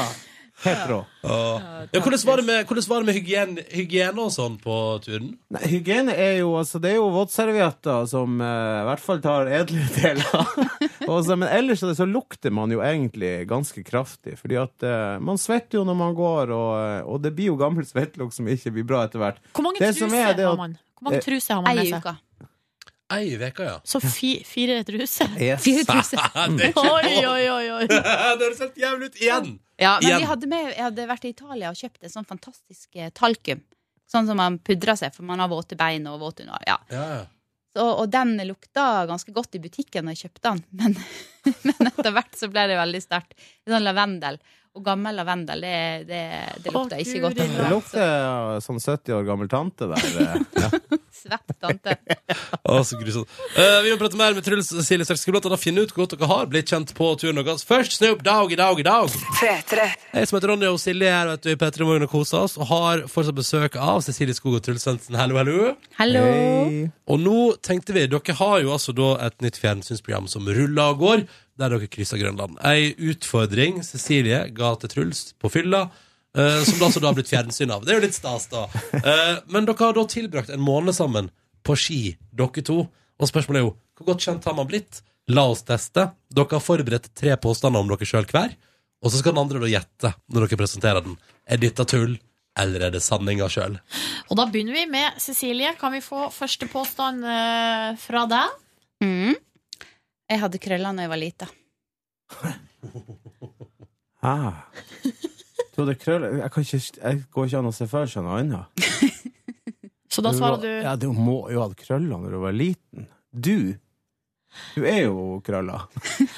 Hadde du krøller da du var lita, Cecilie? Du, jeg hadde ikke hår på hodet før jeg var to og et halvt år. Åh, Ja, jeg tenkte etter to og et halvt år. da, blir det, da blir det ett poeng til Cecilie, for da klarte Å hun ja, å lure det deg, er poeng. Truls. Ja. og sånn. Ja, ja. Ok. Truls, vær så god. Jeg er norgesmester i en idrett. Ja! Det er du. Du er norgesmester. Det er- var ikke hesteskokasting, men det er noe lignende. Du, jeg tror jeg lurer på om det er bowling. Ja, det er rett. Er du norgesmester i bowling? Ja, jeg er det, men det skal sies at det er i ikke bare junior, det er yngre junior, og ikke bare yngre junior, det er double. og eh, ja, det var tre par med, så vi var Ikke garantert unnskyld det, bronse. Truls. Det er fantastisk. Men jeg har tittelen! I- Norgesmester i bowling, yngre junior double. Hvor gammel var du da, Truls? 14. 14 år! Så utrolig stas! Ja, det er nydelig. Måtte du reise langt for å delta i NM? Eh, jeg tror vi var i- på Sørlandet en plass, men det var Vennesla eller noe sånt. Ja. Jøss. Jøss, jøss, jøss. All right, Cecilie. Eh, jeg fikk blødende gnagsår i rumpa etter å ha ridd på islandshest. Oi. Etter å ha ridd på islandshest. Mm. Blødende det er gnagsår i mye man må se rumpa. for seg her eh, i det programmet her. eh, ja, det fikk du jo. Det er helt riktig. Yes. Ja. Hvor grusomt var det? Ja, det var helt forferdelig. Og eh, den eh, dongeribuksa som jeg da tok på meg hver morgen, den grodde fast i såret hver eneste dag, så jeg måtte røske opp. Å, Det svaret var ikke veldig tok av meg buksa. i all Stopp det nå. verdens- Stopp, Tor. vi går videre. Eh, da er det Truls sin tur. Av alle opplevelser oppe på Grønlandsisen, så var det aller beste for meg den fantastiske naturopplevelsen. Helt feil. Er det rett, eh, Truls? Var det Ja, det, feil? det er jo, hun har jo helt rett, men jeg lurer på om hun vet hva som var den beste. Ja, det var å gå på do. Yes! vet dere hvor godt det er å gå på do der oppe? Det er Hvorfor er det så Det er Fordi jo at, eh, iskaldt! da. Ja, men du går og holder deg litt lenger, vet du. Og når du endelig går på do, så, kom, så, så, så er det bare en sånn lykkefølelse. Det er det ene. Det andre det er at du tørker deg jo Det er rart å sitte og prate om det her, men du tørker deg med snø. Og det er Bak. de- deilig, da. Jeg vurderer å skaffe meg snømaskin på do nå hjemme. Det er altså en helt Snøkanon på do. fantastisk Snøkanon på do, ja. Skal ikke vi vurdere sånn Fantastisk den gode følelse. gamle bideen, eller altså bare noe va- vann, eller Jo, jeg kunne jo gjort det, egentlig. Men det hender jeg setter meg på terrassen nå og går på Og når Truls ser at det laver ned med første snøfallet for året, da er det bare rett ut. Ja. All right. Ok. Siste påstand fra Cecilie. Eh, siste påstand, skal vi se. Eh, ja. Jeg satte fyr på katten til naboen med stjerneskudd da jeg var ti år. Nei, gjorde du faen ikke. Jeg gjorde ikke det. Nei, verdens snilleste, godeste person gjør ikke sånt. Kan hende man lærer sine feil, da, men det var altså ikke sant. Men jeg jeg er mer skremt over at du kom på den løgnen. Ja, det er det jeg òg lurer på. Hvordan har du det fra? Nei, det er bare ramla. Ramla det ned i hodet? All right. Siste påstand fra Truls. Når man reiser rundt og skal fortelle om et program, så er den beste plassen en av de beste plassene å være. Ja, kanskje den beste, det er å være på P3morgen. Det er helt riktig. Det er sant. Og det var en, bare en sånn liten hyllest til dere, for dere er så gode. Ja. Nei, men Truls Ja, dere og er Cecilie, herregud, så koselig. Men du tapte da, Truls. Det ble 4-2 til Cecilie. Sorry. Prøvde meg med smisk på slutten der for å få ekstrapoeng. Men Silje vet du, biter ikke på. Biter ikke på Silje. Nei, Det går rett ut. Men eh, så hyggelig at dere koser dere. Vi har kosa oss veldig med å ha dere på besøk. Ja. Og velkommen tilbake anytime, begge to. Og så Vi kommer i gleder vi, morgen. oss- ja, ja, Ja, bra, bra. og så gleder vi oss til å se ferden videre. Vi er jo spent da, Truls, om du kommer deg over isen her. Ja. Ja. Ja. Ja, vi må se på Det er søndag klokka åtte. Rett og slett. Cecilie og Truls, tusen, tusen takk for besøket. Og vi skal jo til vår kjære Markus og ei eh, fast spalte der eh, du, Markus, mener at det er eh, for lett å lage klikkverdige, delbare saker. God morgen. God morgen, det stemmer, så derfor har jeg lagd min egen sånn nyhetsside som heter p3.no slash markbusfeedit. Så lager jeg altså nyhetssaker som håper å bli delt inspirert av BuzzFeed og BuzzIt og sånne type saker. Jeg kan lese noen eksempler, folk har sikkert sett det litt eh, rundt omkring på sosiale medier og forskjellige saker. Um, disse personene har fått i seg litt for mye drikke, er eksempel på en eh, overskrift. De utstyrte tusenvis av musefeller med baller, så len deg tilbake og nyt magien. Det var en overskrift. Du må høre den her også. I begynnelsen var jeg ikke spesielt imponert. Det skammer jeg meg over nå. Sykt! Det er sånne, sånne type overskrifter. Og så er det mye sånn her Du vil ikke tro det. Eh, og er så ikke sant. klikker man seg inn, og så er det litt sånn Ja. Ja, og det er den eh, sjargongen jeg har plukket opp eh, i dag. da. Jeg har kommet meg inn på en burgerkjede, burgerkjeden Max. Og i dag skal jeg lage overskriften, eller jeg har lagd overskriften 'Du der vil ikke tro hva vi fant på bakrommet til burgerkjeden'. Eh, så nå skal jeg rett og slett inn på bakrommet her, og så skal vi se hva de har her. Og så har jeg ferdig en nyhetssak. Denne Markbus Firit har kommet eh, for å bli, så jeg har lagd en eh, liten eh, jingle eh, til den, hvis dere er interessert i å høre den. ja! Veldig interessert. Skal vi trykke play? Ja, kjør play, da.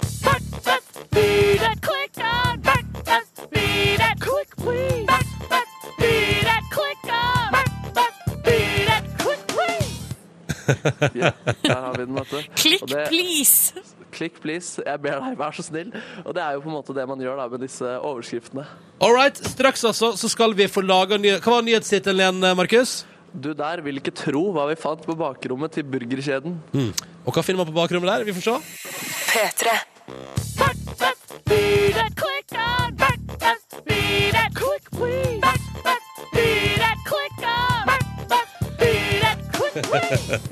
Ja, Markus. Du liker jo å lage virale nyheter i P3 Morgen. Eh, Sånn som man ser overalt på internett for tida. Alle hiver seg jo på bølgen med å lage nyhetssaker. Kan du gi oss et eksempel på en tittel du har kommet over i det siste? Eh, skal vi se her, da. da må jeg, vent, da, jeg må bare bla opp eh, den her. Jo, se her. Hun fyller gamle syltetøyglass med frukt og olje. Minutter senere. Jeg trenger aldri bake igjen. jeg skjønte ikke hva den betydde, faktisk. så Jeg måtte inn og se hva, hva det var. Ja, du- Det var du en klikket på dame den, som du. lagde den. Ja, jeg måtte faktisk det. Men i dag skal du Men- lage din helt egen virale nyhetssak som alle kommer til å dele i sosiale medier. Det stemmer på, eh, på, på veldig, veldig godt. Jeg har lagd nyhetssaken 'Du der vil ikke tro hva vi fant på bakrommet til burgerkjeden'. Så nå er jeg rett og slett inne på et bakrom til en burgerkjede. Det er mye sånn sølvfarget, eh, stålaktige greier her. Og det første jeg har funnet, som dere ikke vil tro, er en person som heter Sara. Eh, God dag. God dag, da. Hva er din stilling alt oppi dette her? Eh, Jeg er restaurantsjef på denne restauranten.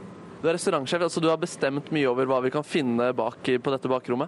Eh, Ja, det kan man si. Ehm, er du klar for å forsvare deg? Eller, fø- er- føler- eller hvor- hvordan har du alltid, alle disse tingene kommet hit? Bestilt. Hva sa du? Vi har bestilt det. Dere har bestilt det, ja. Ok, og så har dere båret inn selv, eller? Nei, det kommer levert. Ok, men da, skal vi, da er det på tide å gjøre avsløringer. Jeg eh, bare konfronterer deg rett ut. Hva er det der for noe? Eh, En eh, pappersholdere. Ja, en papirholder. eh, Oi! som man kan, eh, det er sånn man finner på toaletter rundt omkring også. Skal vi se, hva er det der for noe? En eh, tvålholdere. En tvål, altså hva, hva, tvål, såpe, eller? Ja, såpedispenser. Så, Ja, så- nemlig. Såpedispenser! Det er jo Du, sjukt! ja, du vil faktisk ikke tro det. Skal vi se, her har vi noe, en svartaktig greie. Eh, jeg, hva er dette? En pall. En pall. Der har vi altså en pall. Um, vi skal se videre her. Her er det et sånt redskap. Dette her har ikke jeg eh, Det hører ikke hjemme på mitt kjøkken. Eh, hører hjemme på ditt. Hva er dette for noe? En eh, visp. Ja, Det er en visp. Hva er det man gjør med denne vispen?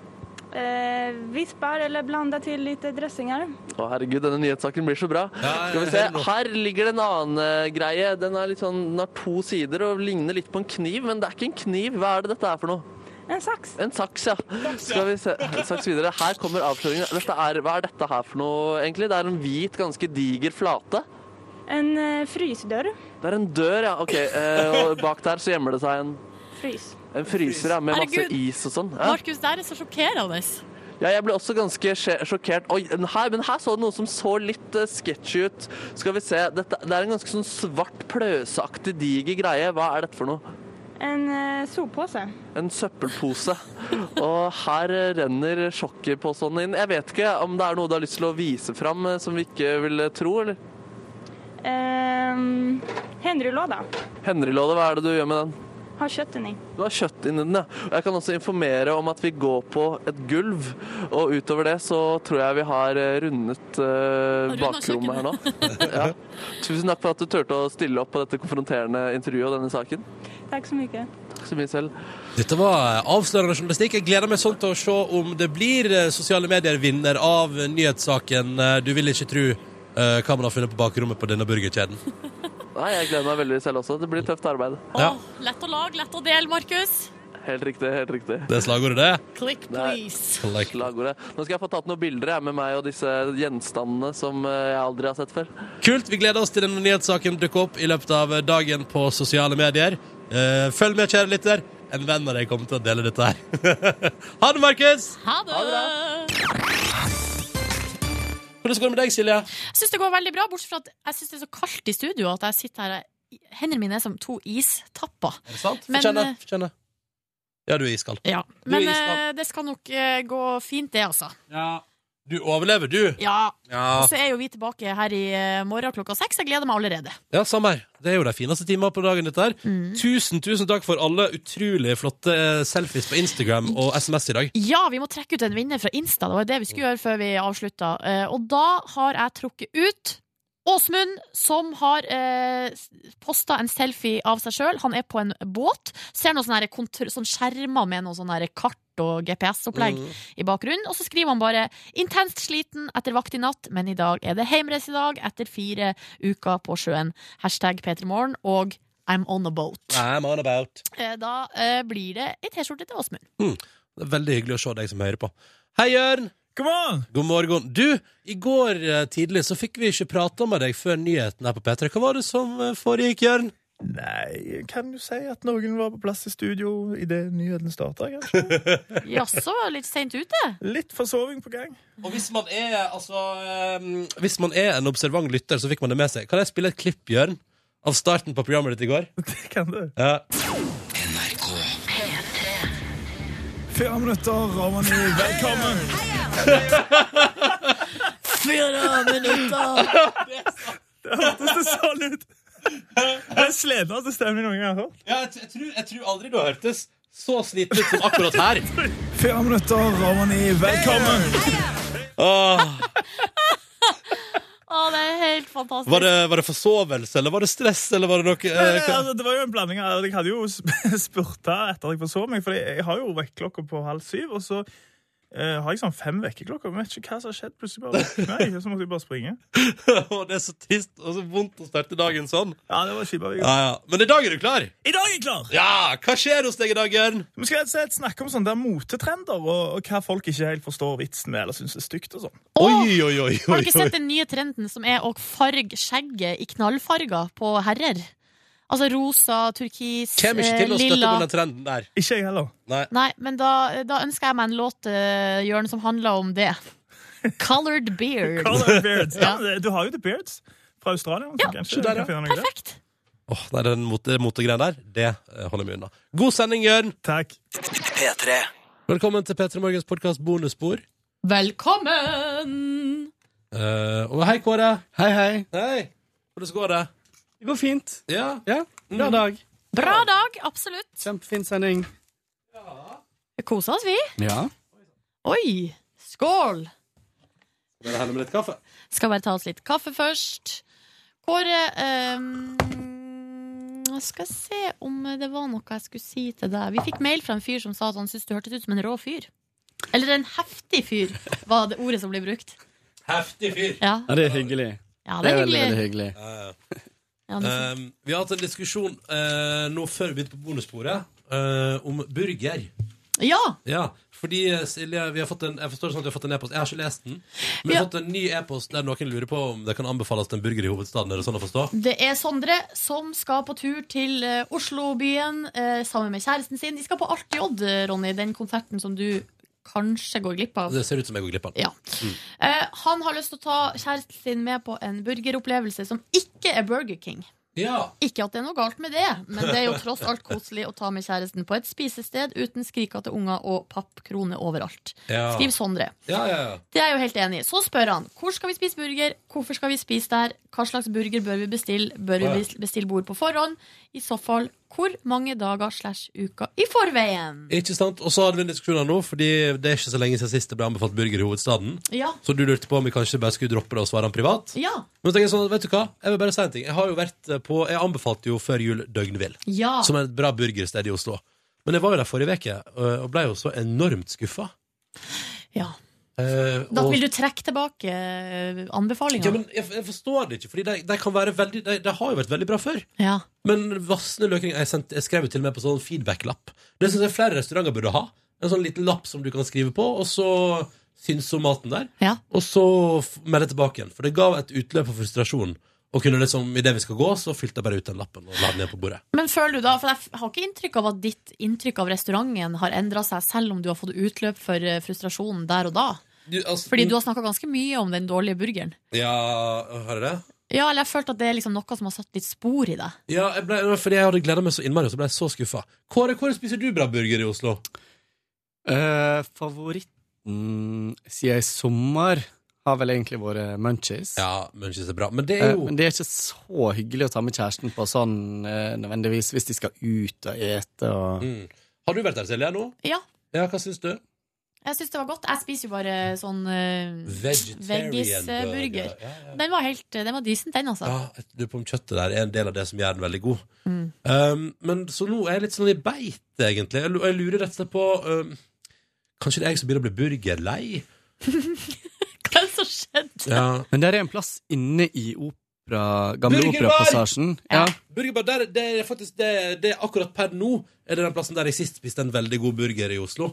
Um, og da var det Det er noe, det er noe hjemmelaga pepper bacon og sånn.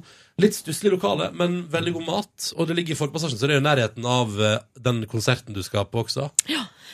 Og jeg tenker sånn, I forhold til det med å bestille bord, så tror jeg at hvis det er en lørdag, og man har tenkt å gå ut og spise klokka Ja. seks Da eller er det sju, vi- så kan det være lurt å bestille bord. Men du trenger ikke- altså, ikke bestille liksom, ukevis i forveien. Jeg tenker at eh, Som oftest så holder det å bestille samme dag, men da er det gjerne eh, frist sånn klokka tre eller et eller annet sånt. Ja. Fem, kanskje. Nei, men det- Så er det Samme mange som dag. ikke tar, tar av eh, Ja, bordbestilling noen som før ikke gjør det, ja. de siste dagene før. Ja, men, eh, nei, men så det kan du Den er faktisk veldig god, og det er godt øl og veldig hyggelig betjening. Så eh, der, eh, der, det, kan jeg faktisk, det kan jeg faktisk anbefale eh, veldig på det varmeste. Ellers, eh, hvis du vil ha en, eh, en totalopplevelse Hør på dette, dere. Ja.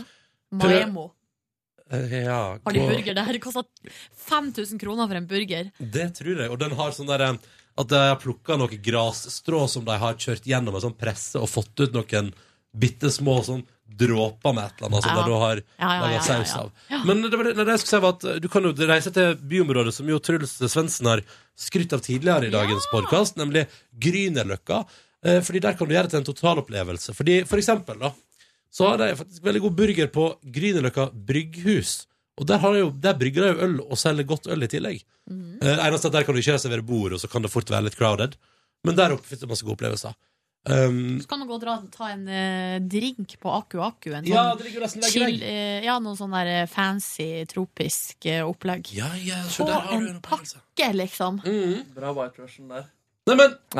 Neimen. Neimen. Se hva katta dro inn! Katta dro inn, ja, på grunn av hårsveisen, Du eller? vil ikke tro det. Nei, men Se her hva er jeg. katta dro inn. Voff, voff. Hei, jeg la ikke merke til at du kom til en gang. Gjorde du ikke det? Nei. Å ja, så gøy. Hei, Markus. Halla, går det bra? Hva er din, for, hva er din forrige gode ute-matopplevelse i hovedstaden? Ja, den var eh, på en restaurant på Frogn... Nei, den var på Det var en helt middel, middels indisk som jeg spiste på fredag, som var i Frogner-området. Men det var en god opplevelse allikevel. Eh, Men det var mest pga. selskapet, da, eller? ja, og så er jeg jo glad i indisk, da. Uten Ja. At, eh, ja, men det var sånn middels indisk. Men jeg hadde en veldig trivelig lasagne på et sted som het noe sånn med Sara, som også lå i Frogner-området. Så den hadde vært på forsiden Ah. av Dagens Næringsliv med, med denne lasagnen. Og den var god og liksom billig, og det var veldig trivelig sted. Yes. Jeg, skal, fi- jeg kan finne ut hva det heter. Jeg. Ja. Skal vi se det. Det er så rart når vi begynner å snakke om sånn her mat og sånn, så er det jo så mange plasser det er fint å gå til, og det er god mat, og det er koselig og alt sånn. Men når jeg skal gå ut, eh, så syns jeg det er så sykt vanskelig å liksom bestemme meg for hvor skal man gå, og hvor er det koselig. Det er akkurat som man får sånn brain freeze, liksom. Mm. Ja, og så og så er det òg et eller annet med at eh, plasser du trives på, har du lyst til å gå tilbake til. Ja. Sånn som, altså, Hvis du skal ta med kjæresten din på noe annet enn burger, så er jo eh, en stadig atmosfære skråstrek matfavoritt er jo f.eks. delikatessen. Atmosfæremessig litt crowded, eller? Kanskje. Du sitter jo liksom så I hvert fall på Grünerløkka så sitter man jo Ja. så utrolig tett i tett i tett i tett. Ja. Jeg har, hatt, eh, jeg, har hatt, jeg har hatt noen veldig fine opplevelser på delikatessen, men det har vært gjerne hvis man har hatt en slags lunsj med alkohol inne i Ja, bildet, der det ikke, når det ikke er så mye folk. Mm, og så, ja, så, nei, det, det, men ja, nei, jeg vet ikke. Eh, Taper seg godt, ja. Og så er jo taco i vinden. Så innmari nå. Men hva med peruansk mat? Er det noen som har vært på Piskoteket? Nei. Dama mi var der, og så var det helt sykt digg. Sa det? Ja. Fader, dit. Det er min neste. Hun, eh, sp- noen sånne der servetcher. Det er noe som heter det. Ceviche. Ceviche, ja. Hun eh, har liksom hatt lyst til å dra dit tilbake bare for å få den cevichen eh, igjen. Er det det som du mekka? Ja, når vi hadde sånn matseminar. Ja. Spiste til og med du, Ronny, og likte det. det var det som var ceviche, ja. ja. Superdigg. Men det er jo mange forskjellige typer for at eh, ceviche Eller, eller det er bare sånn, eh, hva heter det, fanebetegnelse for sånn eh, fisk eller sjømat eller sånn som er kokt i sitrussaft. Så man kan ha forskjellige ting oppi. Jeg lagde jo den aller enkleste varianten som er med bare laks. Jeg syns at det, det var helt konge. Ja, det var godt, ja. Det er faktisk en av mine aller beste matopplevelser var på en peruviansk restaurant i Madrid. Ja. Oi. Og det er Du har jobbet sånn- der, ikke sant? Er du også eh, peruansk, Jeg Kåre? er egentlig det. Nei, men, det, men så jeg ble så glad når det skulle komme eh, i Oslo. Eh, men jeg hadde liksom aldri tenkt at peruviansk mat skulle være så veldig fancy, men det var supergodt. Og det var Jeg tenker bare på ceviche. panfløyte. Ja. Det var ceviche, og så var det sånne enorme popkorn servert til, og de var så Ja, supergode. hva var servert og så var det popcorn pisco til? sour som du drakk Ja, ved fy faen. siden av. Ja, fordi, eh, Whisky sours. Damer Nei, sa også pisco sour. At de fikk Å, ja. sånne der små maisaktige greier som eh, smakte sånn som uh, upoppa popkorn. Ja. Ja. Bare at det var digg å tygge. Choclo heter det. Choclo? Hvertfall- Nei, eller hva heter det? For det, er vel spist, det selger de som i Ecuador og sånn, selger de det som snacks. Altså du kjøper sånne store poser Nice. med sånne store maiskorn som ser ut som upoppa popkorn. Ja vel. Men så er de, og det er jo på en måte det det er, det er liksom de frø, kornene er rista da. Og det Men- smaker dritgodt med salt. Litt interessant eh, tankespenn. Og man oppsummerer jo alt i løpet av et år. Hva er det beste måltidet dere har spist i 2014? Tenk litt, tenk litt på det. 2015 eller 2014? 2014, året som nettopp var. Så tenk litt på det, så kan vi komme tilbake til det på tampen. Ikke sant? Så har vi en sånn eh, throwback der. Ikke sant? Ja, jeg vet det, jeg vet det. Vet du det? Jeg tror jeg vet det òg, altså. Jeg kom, faen, Nei, men tenk litt på det, jeg kommer ikke på et eneste måltid. Ja, men vi tar det. Ja, Ribba var dritgod. Eh, men, nei, men tenk på sånn utemat, liksom. Men eh, vi tar det etterpå. Først, eh, hvordan var gårsdagen, Markus? Den var eh, veldig rolig og streit. Jeg lagde meg wienerpølser. Og f- Har du først, snobba oppover, du? ja da, ja da. først lagde jeg meg en runde wienerpølser. Ja. En, spiste jeg, delte en pakke, og så senere på kvelden spiste vi en pakke wienerpølser til. Og det var godt. Skulle bare ligge litt i sengen, endte opp med en to timers powernap. eh, Men sovna for så vidt greit eh, klokka tolv og hadde en eh, veldig rolig dag i mitt eget hjem. Ikke noe creepy skjedde denne gangen. Mm. Å, godt å høre. Mm. Hva med deg, eh, Kåre? Eh, du, i går eh, spiste jeg bacalao. Oi! Yes. Jeg var nede i byen etter jobb og eh, bytta en julegave. Ok. Eh, ok. Og så fikk du bacalao tilbake. Ja, men er det en kokk som har Nylig. dritfin skjorte da? Det Er, Hæ? det sent- er det en kokk som har veldig fin skjorte nede i sentrum da? Ja. Nei, eh, og så fant jeg ut at jeg skulle kjøpe med meg mat hjem, og da gikk jeg på fiskeriet. Ja. Og kjøpte eh, bacalao, som jeg varma opp hjemme, og den var superdigg. Oi, så deilig. Og du kjøpte ferdig, liksom? Ja. ferdig. Alene da, eller? Helt alene. Var det nok mat? det var nok. Eh, og det var Den var liksom ikke Fisken lå på toppen og var ikke kokt, sånn at du tok den bare i Så du måtte koke det litt, da. Ja, sånn, ja. Men resten var så å si ferdig. Så da blir det ferskt, liksom. Ja. Herregud, så konge. Mm. Det høres eh, kjempestas ut. Det var veldig godt. Ja, Noe mer vil du trekke fram? fra- Eh, nei, jeg så eh, to episoder av eh, min Guilty Pleasure på, på Getboxen. Eh, Hva var det?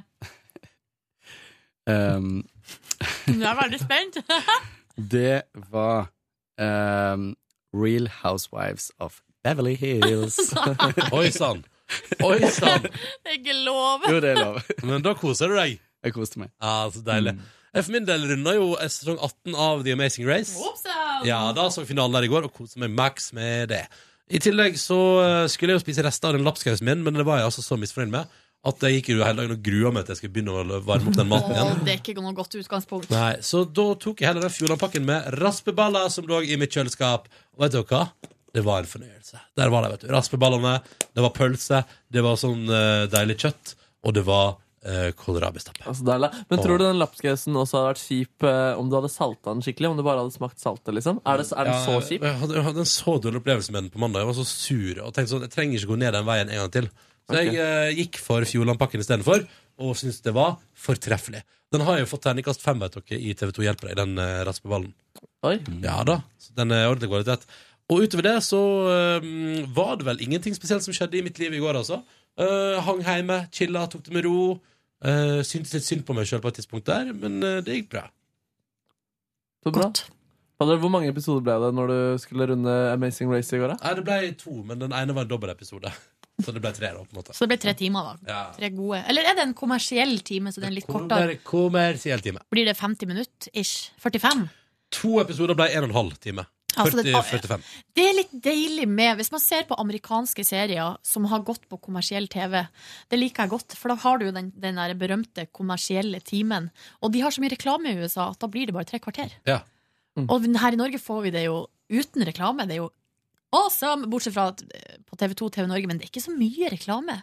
Nei. Det er på en måte helt sånn OK. Og de kan være ganske lange, de reklamepausene på TV2 der, altså. Jo, men det er bare å ta det opp på Gutboxen. Ja. Og så spole Og over. så vente litt. Og Det jeg er jo det synes- å lage seg noe digg, og så Ja, de spole over. TV-reklamepausene som er på filmer på TV2, de syns jeg er litt sånn deilige, litt hyggelige.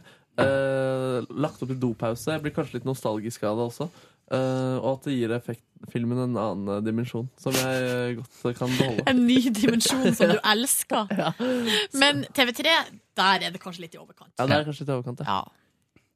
Var du ferdig med dagen din, eller, Ronny? Ja, ja. Jeg må skyte inn, apropos det der, jeg syns at Eller jeg tenker sånn Når jeg ser på te- reklame på TV3 og Viasat og sånt, og så tenker jeg sånn Men hvor mange kasino fins det på internett som henvender seg til det norske markedet? Fordi det er jo utømmelig. Det er utømmelig, og det dukker opp nye ting hver veke. Ja, det er Maria Bingo og Betsson og Og det var god business, ass. ja, men jeg må si det med de kjendisene som eh, driver og fronter de her eh, be- bettingselskapene. F- Det er litt sånn flaue reklamer. Altså, jeg, vil, jeg vet ikke hvor mye penger de får for det. Det, må, det burde være verdt det, liksom. Fordi det er litt flaut. Ja, altså Du tenker at eh, altså, selve reklamen er burde Ja, dårlig, det- eller at det dere rekla- reklamerer for? Nei, og nå skal jeg ikke gå inn i liksom, debatten Du tenker rundt på i- Sandra Lyng sin Folkeautomaten-reklame, du? Nei, eh, i, eh, i går te- Nå tenker jeg helt konkret på eh, Tone Damli og Betsson, der hun står og alt er oransje, og så er hun liksom i en oransje dress, og så er det vått, og så, driver, og så er hun på en måte Hun er våt av en eller annen grunn, og det regner sånn skum over henne. Yes. Og så sier hun sånn ah, 'Betsson', og det er bare Men er det der- er det den der å si? Ikke sånn. Programmet er sponsa av Betson. Ja.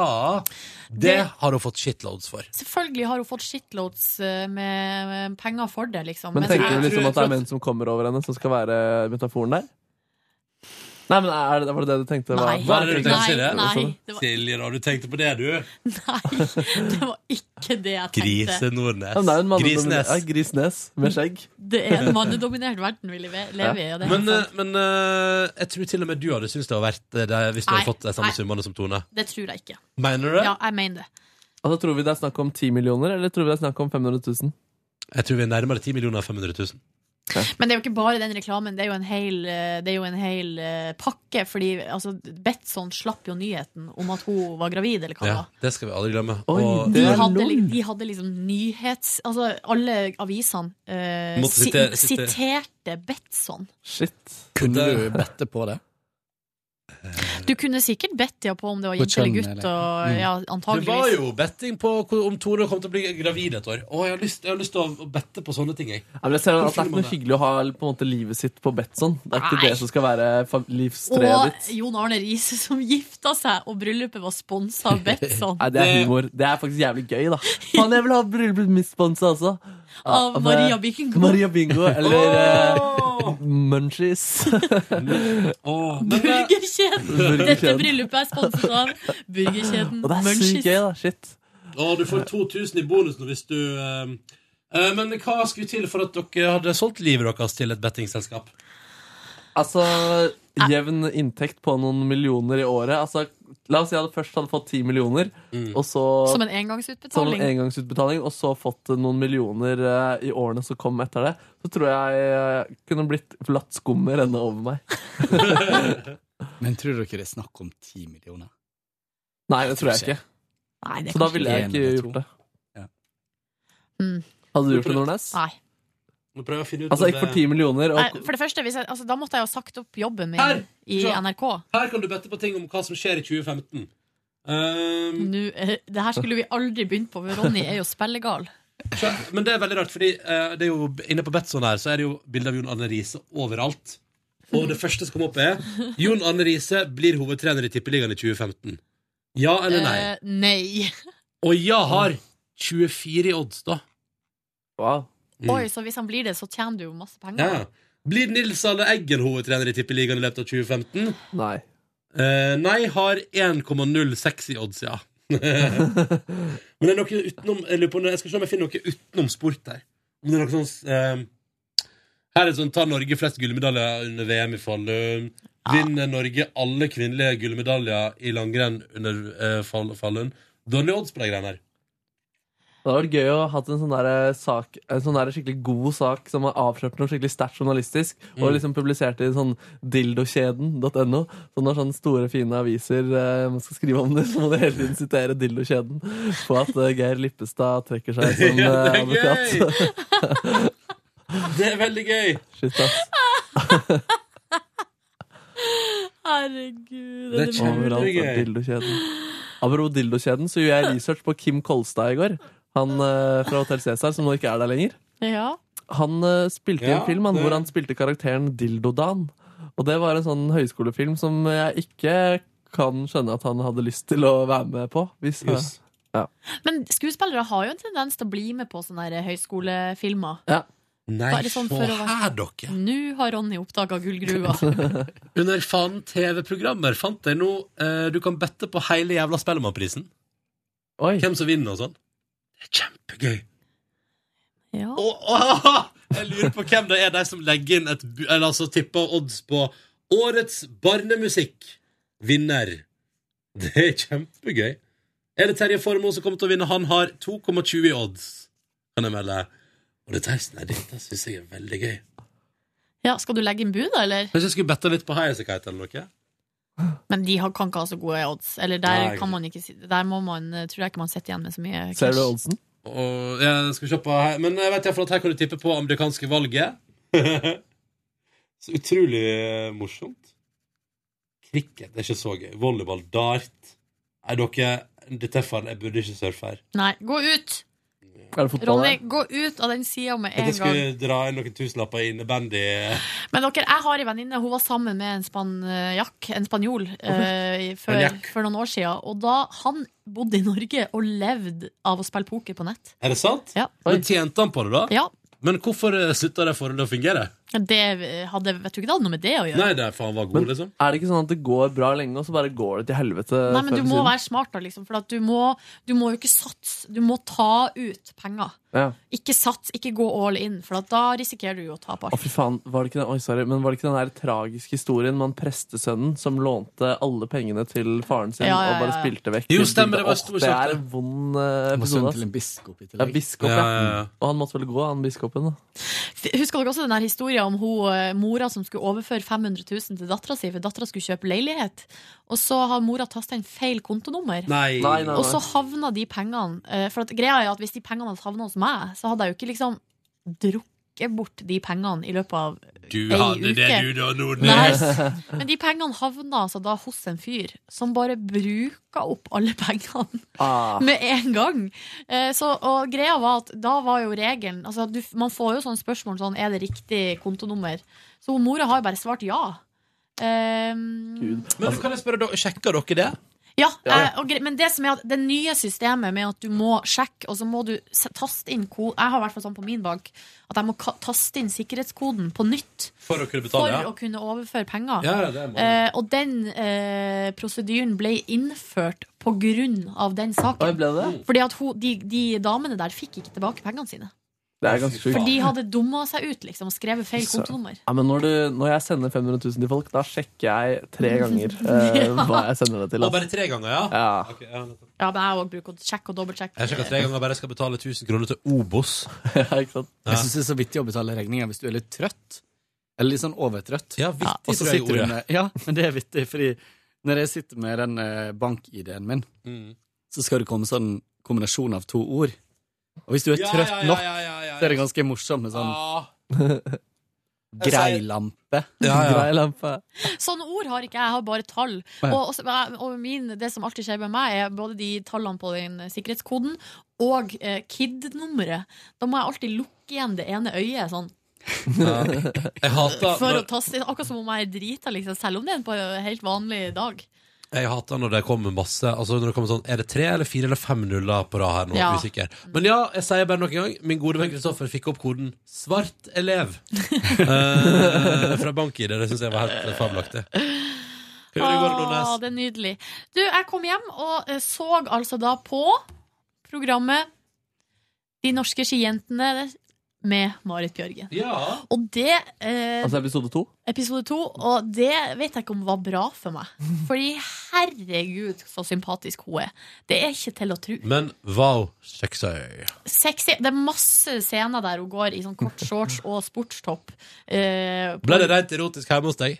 Nei, eh, det gjorde det egentlig ikke, men jeg ble jo helt sånn jeg ble helt sånn eh, slått i svime av hvor bra hun er. Men så er det sånne lange seanser også hjemme med hun og Fred Børre Lundberg. Oi, oi. Og han er jo så søt, og de virker som de har et sånn kjempefint forhold. Så da Ja. tenkte jeg bare OK, her må du Jeg må bare Ja, for du hopp- skygge av du banen. Men han var litt, så- jeg, så, jeg så den, jeg også, men han var litt sånn pussig. Altså, han- de så hverandre jo aldri. Og hun bare ja, ja, hun får bare drive på som hun vil. Jeg stoler på Marit. Ja, men han- Så- altså, hvis du er sammen med verdens beste skiløper, så kan du ikke Som han òg sa, jeg kan ikke nekte henne det, for at da Det blir ikke rett, liksom. Nei, det, jeg skjønner jo også det aspektet ved det. Også- Han var veldig fin, da. Jeg er enig i det. Så eh, det var et fantastisk, fantastisk program. Og så så jeg på eh, How I Met Your Mother, og vet dere hva som skjedde i går? Nei. Jeg gråt av How I Met Your Ja, men Mother. det skjer bare titt og ofte. Det. Altså sånn skikk altså, Og det var ikke bare sånn at jeg ble litt rørt, men jeg gråt skikkelig. Det var så bra, da. Det var helt, Ja, men How I Met Your Mother er jo en fantastisk sitcom. Det er en grunn til at alle elsker det. ja, jeg driver jo og oppdaga det nå, jeg, da, i 2015. Men da har Eh, du så masse gøy foran deg. Ja, det jeg så i går, og nå driver jeg og ser, epi- jeg driver og ser sesongene sånn helt hulter til bulter. For at Ja. eh, jeg ser litt på Netflix, og så ser jeg litt på Viasat4, for der går det jo da hele døgnet. Ja. Det jeg ble så rørt av i går, var eh, i sesong fem, når Barney eh, frir til Robin. Når det, er liksom, det er et sånn dobbeltepisode der, Ja. eh, med The Playbook, The Final Page. Ja, ikke sant. Fy fader, det var så rørende! Jeg Mm. ble helt altså. av slått i bakken. Deilig. Så var det nå laks og yoga, da. En liten eh, god Du fikk det til endelig. en god bolk med laks og yoga. Endelig! Og så kom jeg hjem, og så hørte jeg på Susanne Sundfør sin eh, Delirious eh, 50 ganger. Ja. Så gikk jeg og la meg. Bra kveld. Mm. Og det eh, må jeg bare si, i går slo jeg av lyset ti over halv elleve, og eh, var antageligvis i søvn før klokka elleve. Perfekt. Mm. Boom! Gratulerer. Flink inn i rutinen. Yes! Jeg slo det med 20 minutter. Hæ? Jeg slo det med 20 minutter. Fader da, Kåre. Helvete. Ah, yeah! Den nye produsenten. Kan jeg bare si at jeg vil bare si min første høst i P3 Morgen. Da la jeg meg klokka ni, liksom. Ja. Ja, Men så ble jeg lei av å være usosial, så da slutta jeg med det. Men da begynte du tidligere også, gjorde du ikke? Nei. Ah, nei. Men da Nei, jeg begynte Men for klokka seks. før var jo P3 Morgen fra sju. Ah, Ja. Mm. Og så husker jeg at eh, det var perfekt Ledelsen gjorde et klokt valg der. Da inviterte eh, Jeg husker det var liksom sånn første mannen tilbake på jobb, så spurte da sjef Vilde og sjef Tone om kanskje jeg og Live hadde lyst til å, å være med ut og spise middag en ettermiddag der. Og vi bare ja, OK, ja. Og så kommer de sånn friske og opplagt etter sommerferie, og så sier de liksom så, så, middag er veldig hyggelig, og hvordan går det egentlig? Og ja, ja. Og Finn sånn Vi tenkte at kanskje P3 Morgen kunne begynne halv sju? Nei, nei. Vi tenkte kanskje at for å være i Trond Marked at Petter Morgen kunne begynne klokka seks. Og jeg og Liv bare ja, ja, ja, ja, ja. Kommer tilbake igjen litt senere i uka. så, hva, en ti eh, OK? Og så Det var jo da jeg endte opp med å begynne halv sju. Fordi det var et slags kompromiss. Men det der, det der var en, det var en slu middag. Det var en slu middag. Lov oss lure. Neste gang vi blir invitert til, mid på, til middag av Vilde og Tone, da må vi bare si nei, for da betyr det at vi egentlig skal begynne klokka fem. Ja. Nei, vi vil ikke på middag! Nei takk. Vi står over det tilbudet. Er det derfor du, Kåre, har invitert oss på middag på fredag? For at du skal lure oss eh, til Nå altså, skal vi noe? begynne klokka halv fire. Ja, Kåre har en plan bak. vet du. Nei da. Men Kåre er invitert på middag. Det gleder jeg meg sånn til på fredag. der Da skal vi kose oss. Ja, jeg gleder meg. Det skal vi. Fy fader. Å, det skal bli gøy. Ja, det blir ukas høydepunkt, det. Må ut og handle i dag, tror jeg. Å ja, Oi, ser du. så tidlig ute? Mm. Ja, det tar lang tid. Du er en strateg, Kåre. I En går planlegger. så jeg, som sagt, på disse Hollywood-damene. Ja, ja.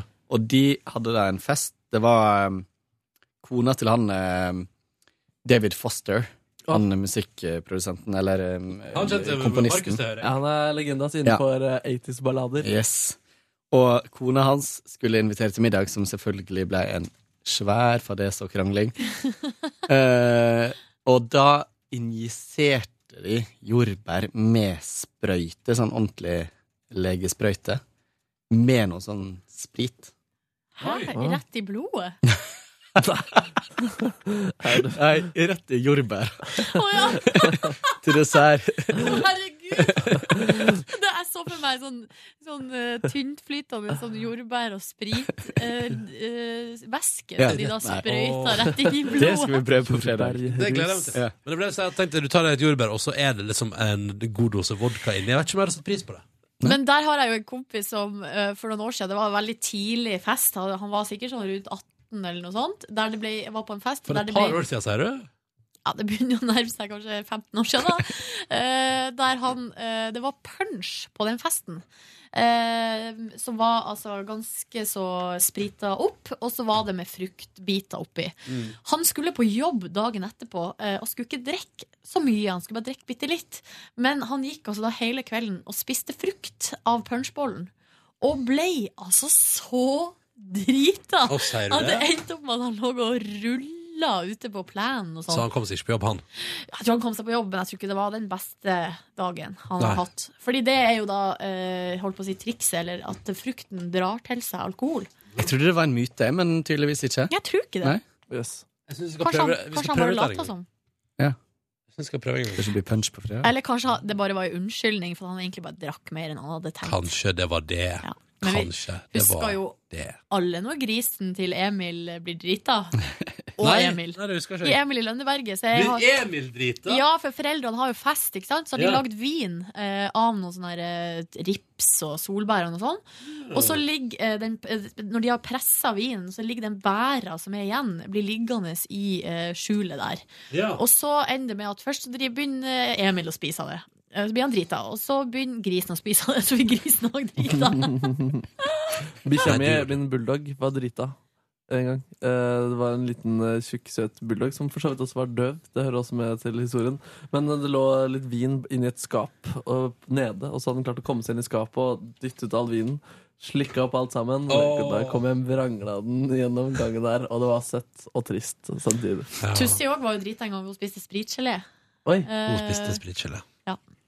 Eller noen ga henne spritgelé Ja, det var eh, på en fest jeg hadde en gang.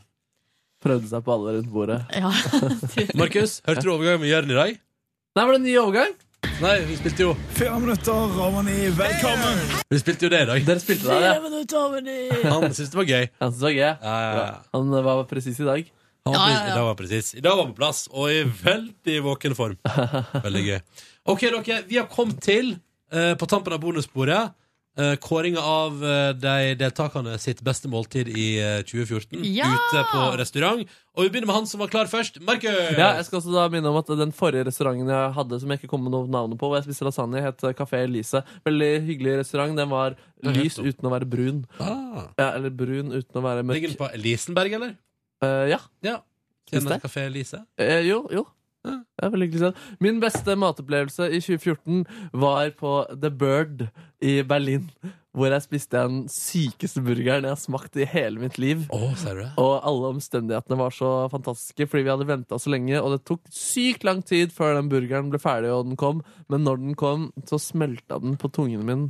Og jeg Er det kom dit al- jeg og du skal fly en dag for å spise burger og så reise hjem igjen? ja, det, er, eh, det skal være frokosten og middagen, og så skal vi spise lunsj på et annet burger i Berlin. Et annet burgeri? Ja. Burgeriet skal jeg åpne en gang. OK, Kåre. Jeg tror jeg må si Jeg var jo i Vietnam hele april, og da spiste vi helt fantastisk mat. Veldig my mye forskjellig. Men den eh, gatematen som bare var en sånn gammel kone som satt og kokte på fortauet og mata oss med, var helt fantastisk. Fantastisk god. Og, men jeg tror det var kanskje fordi forventningene var så lave, og så smakte det bare helt himmelsk. Men eh, jeg veit ikke hva restauranten heter. Hva slags rett var det? Det var noe sånn eh, grilla spyd, og så var det noe sånn pannekake med Sånne sprø pannekaker med f- fyll inni. Ja, fy søren. Kåre gnir seg på hendene idet han sier det. Det er veldig fint. Ah. Digg. Det var digg. Skal jeg ta min, da? Ja. Jeg tror at det, det står mellom to, og jeg tror nok at det fort handler like mye om opplevelse som selve maten. Men ei god atmosfære er nå en gang ei god atmosfære. Mhm. Eh, fordi å sitte på kaia på en sånn trivelig øy i Hellas og spise gyros Gyros er jo en, eh, et sommerhøydepunkt hver, hver sommer. Eh, direkte fra Grekeland. Fantastisk. Men jeg trekker fram, og det, tror jeg var, det var jo rett før jul, så var jeg i Finlandia, i Helsinki, og der gikk jeg etter tips fra Olli Wermskog på en mexicana-orientert eh, ta tacoplass. Eh, og Og det litt rart hvis den var liksom eh, Kongo-orientert tacoplass. Veldig sant. Men den heter Patrona og ligger i Helsinki. Og var litt sånn, skeptisk, for den har fått litt sånn varierende feedback på TripAdvisors. Mm. Mm. Mhm. Men Olli sa det var hyggelig, og han sa at stemninga var god. Og det er den hyggeligste plassen jeg var i 2014, tror jeg. For der satt jeg og min kjæreste på en lørdagskveld og drakk nydelige margaritas. eh, Og spiste altså den nydelige Det som var best der, var egentlig at vi hadde sånn lass med forretter av forskjellige typer. Det var noe quesadillas med noe fancy eh, sånn het- Hva heter det sånn eh, tø- trøff, trø, trøffelsoppting som kun vokste i Mexico, og som var liksom inni den Ja, det var helt sånn fantastisk, liksom. Eh, og vi bare kosa oss maks. Og det var så god stemning, og alle som satt der, smilte og koste seg. En fabelaktig matopplevelse. Der jeg bare fråtsa i det nydeligste tacoland har å by på. Men Så det var bedre enn den i Oslo, og mye bedre stemning? Ja. Ja, ja, ja. Jeg var jo på den der Jeg har vært på begge de to tacoplassene som åpner, og både Tijuana og hva heter den andre? Taco Republica. Jeg har vært på begge de to. Taco Republica har eh, bra ting, altså. Ja, det Så smaker det, godt. jeg vil tilbake igjen dit, men den er i Finland, den er i Helsinki. Hvis du skal dit noen gang, kjære lytter, Patrona. Nå har det kommet ny taco på, ved, ved området her også, på Revolver. Ja. Utestedet. Spent på den. Ja. Og en på Karl Johan. Har du det? Ja, den har jeg spist på. Palais der, sånn lita kneipe. Den har jeg spist på. Republica var bedre. Ok, notert. Silje Nordnes, beste matopplevelse i 2014! Ja, jeg kom på det nå. Det var i juni, da jeg hadde fått eh, feriepenger og feira det, og skattepenger, og feira det med å spise tolvretters på Bon Lio. Var det du som kjente noen som Ja. jobba der, Kåre? Det var andreplassen min. Ja. Mm. Eh, og det, eh, det er en bitte liten eh, restaurant som serverer altså, det er enten tolvretters eller seksretters. Det er det lille huset, ikke sant? Et bitte lite hus, ja. Um, som er, de kaller det vel en gastropub. Uh, Gastropub. og også hørt at det har blitt kalt en tap, et tapassted. Men du, det er ikke sånn at man får liksom alt på bordet samtidig. Det kommer med én og én rett. Eh, og det var kjempefin atmosfære. Det var i en ukedag, så det var ikke så mye folk. Eh, og vi fikk liksom én servitør som var bare vår, som var veldig oppmerksom, og fikk liksom vin som passa til maten. Eh, og det var bare den opplevelsen. Altså, jeg er veldig glad i mat. Jeg er glad i å sitte ved bordet og prate og skravle. Og også det å snakke om maten. Og her kom det jo liksom Ja, tolv ganger, da, så kom det en ny rett. Eh, så da var det en ny ting å snakke om. Eh, Og det var så mye spennende og godt og Det var bare en helt fantastisk opplevelse. Jeg tror, jeg, vi- jeg tror vi var der i fire timer. Og veldig gode drinker. Ja, vi drakk ikke noe drinker da Ok. siden det var en Mm. ukedag, fordi altså, jeg ble pussa nok som det var. Heyo. På en eh, hverdag. Heyo. Ja. Men så der har du fått eh, matopplevelser i fleng. Jeg Yes. gleder meg til å bli med på The Bird i Berlin, eh, Markus. Ah, Aldri der var vært i det klasse. Berlin, jeg. Google bildet av The Bird, og så ser du den. Jeg lurer på om det skrives med Y, så ser du den. Byrd? Jeg lurer på om det er det. Jeg husker ikke. Eh, men den burgeren der, det er- det er farlig, ass. Har vi gjest i morgen, Kåre? Nei. Ikke i morgen. Nei. Skal vi se nå. The Beard. The Beard. Berlin. Skal vi se. Å, ja, se her, ja. Ja, det der ser ut som noe for meg. Ja, den er noe for Nå, kan jeg eh, bare si en ting til alle sammen der ute? Kjære lytter, ta aldri bilde av mat med blits. Vær så snill. Nei, det ser ikke så eh, smooth ut. Å, men så curly fries-ting ved sida av! Ah, ok. Og eh, en annen gang så kan jeg prate om hvor antiklimaksorientert det var å gå på JC sin restaurant i New York. Ja, det kan jeg også være med på. Ja, det- Spotted pig. Ja, Nå skal det sies at jeg var så fullsjuk når vi var der at jeg trodde jeg skulle omkomme. ja for det var dagen etter at vi hadde vært på eh, nachspiel. Det er på bar. Jeg tror det, ja. Jeg syns det var kjempegod burger. jeg. Eh, og vi, vi tar det på et annet bonusspor. Ok, eh, greit. Kåre. Men vi Vi tar, tar en men vi- krangel. det må vi prate om en dag. Ja. Om opplevelsen av Spotted Pig i New York City. Nå skal vi gå og spise mat, vi. Og så skal vi da altså ikke lage trailer til i morgen fordi vi har ingen gjest. Nei. Er det noe annet gøy som skjer i morgen? Jeg skal vekke Sofie Elise. Det er jo Skal dere i premi- morgen? Det er jo premiere på Ronnys husfarskole. Dere vet du! Ok, men da tror jeg kanskje vi lager trailer likevel. Ja, jeg er litt bekymra for Eller fordi hun trakk seg jo eller, ja, jeg, jeg, Vi trailer ikke Sofie Elise. Vi gjør ikke det? Nei. Det er så usikkert, ja. Ja, eller, altså, hun sa jo Vi har jo avtalen i boks, men jeg hadde den eh, Til i dag forrige uke og til i dag. på en måte Å ja, ok, Så du har hatt avtalen i boks to ganger før? Ja. Ok, ja, men da tror jeg ikke jeg kan Ok. Greit. Ha det bra! Ha det bra!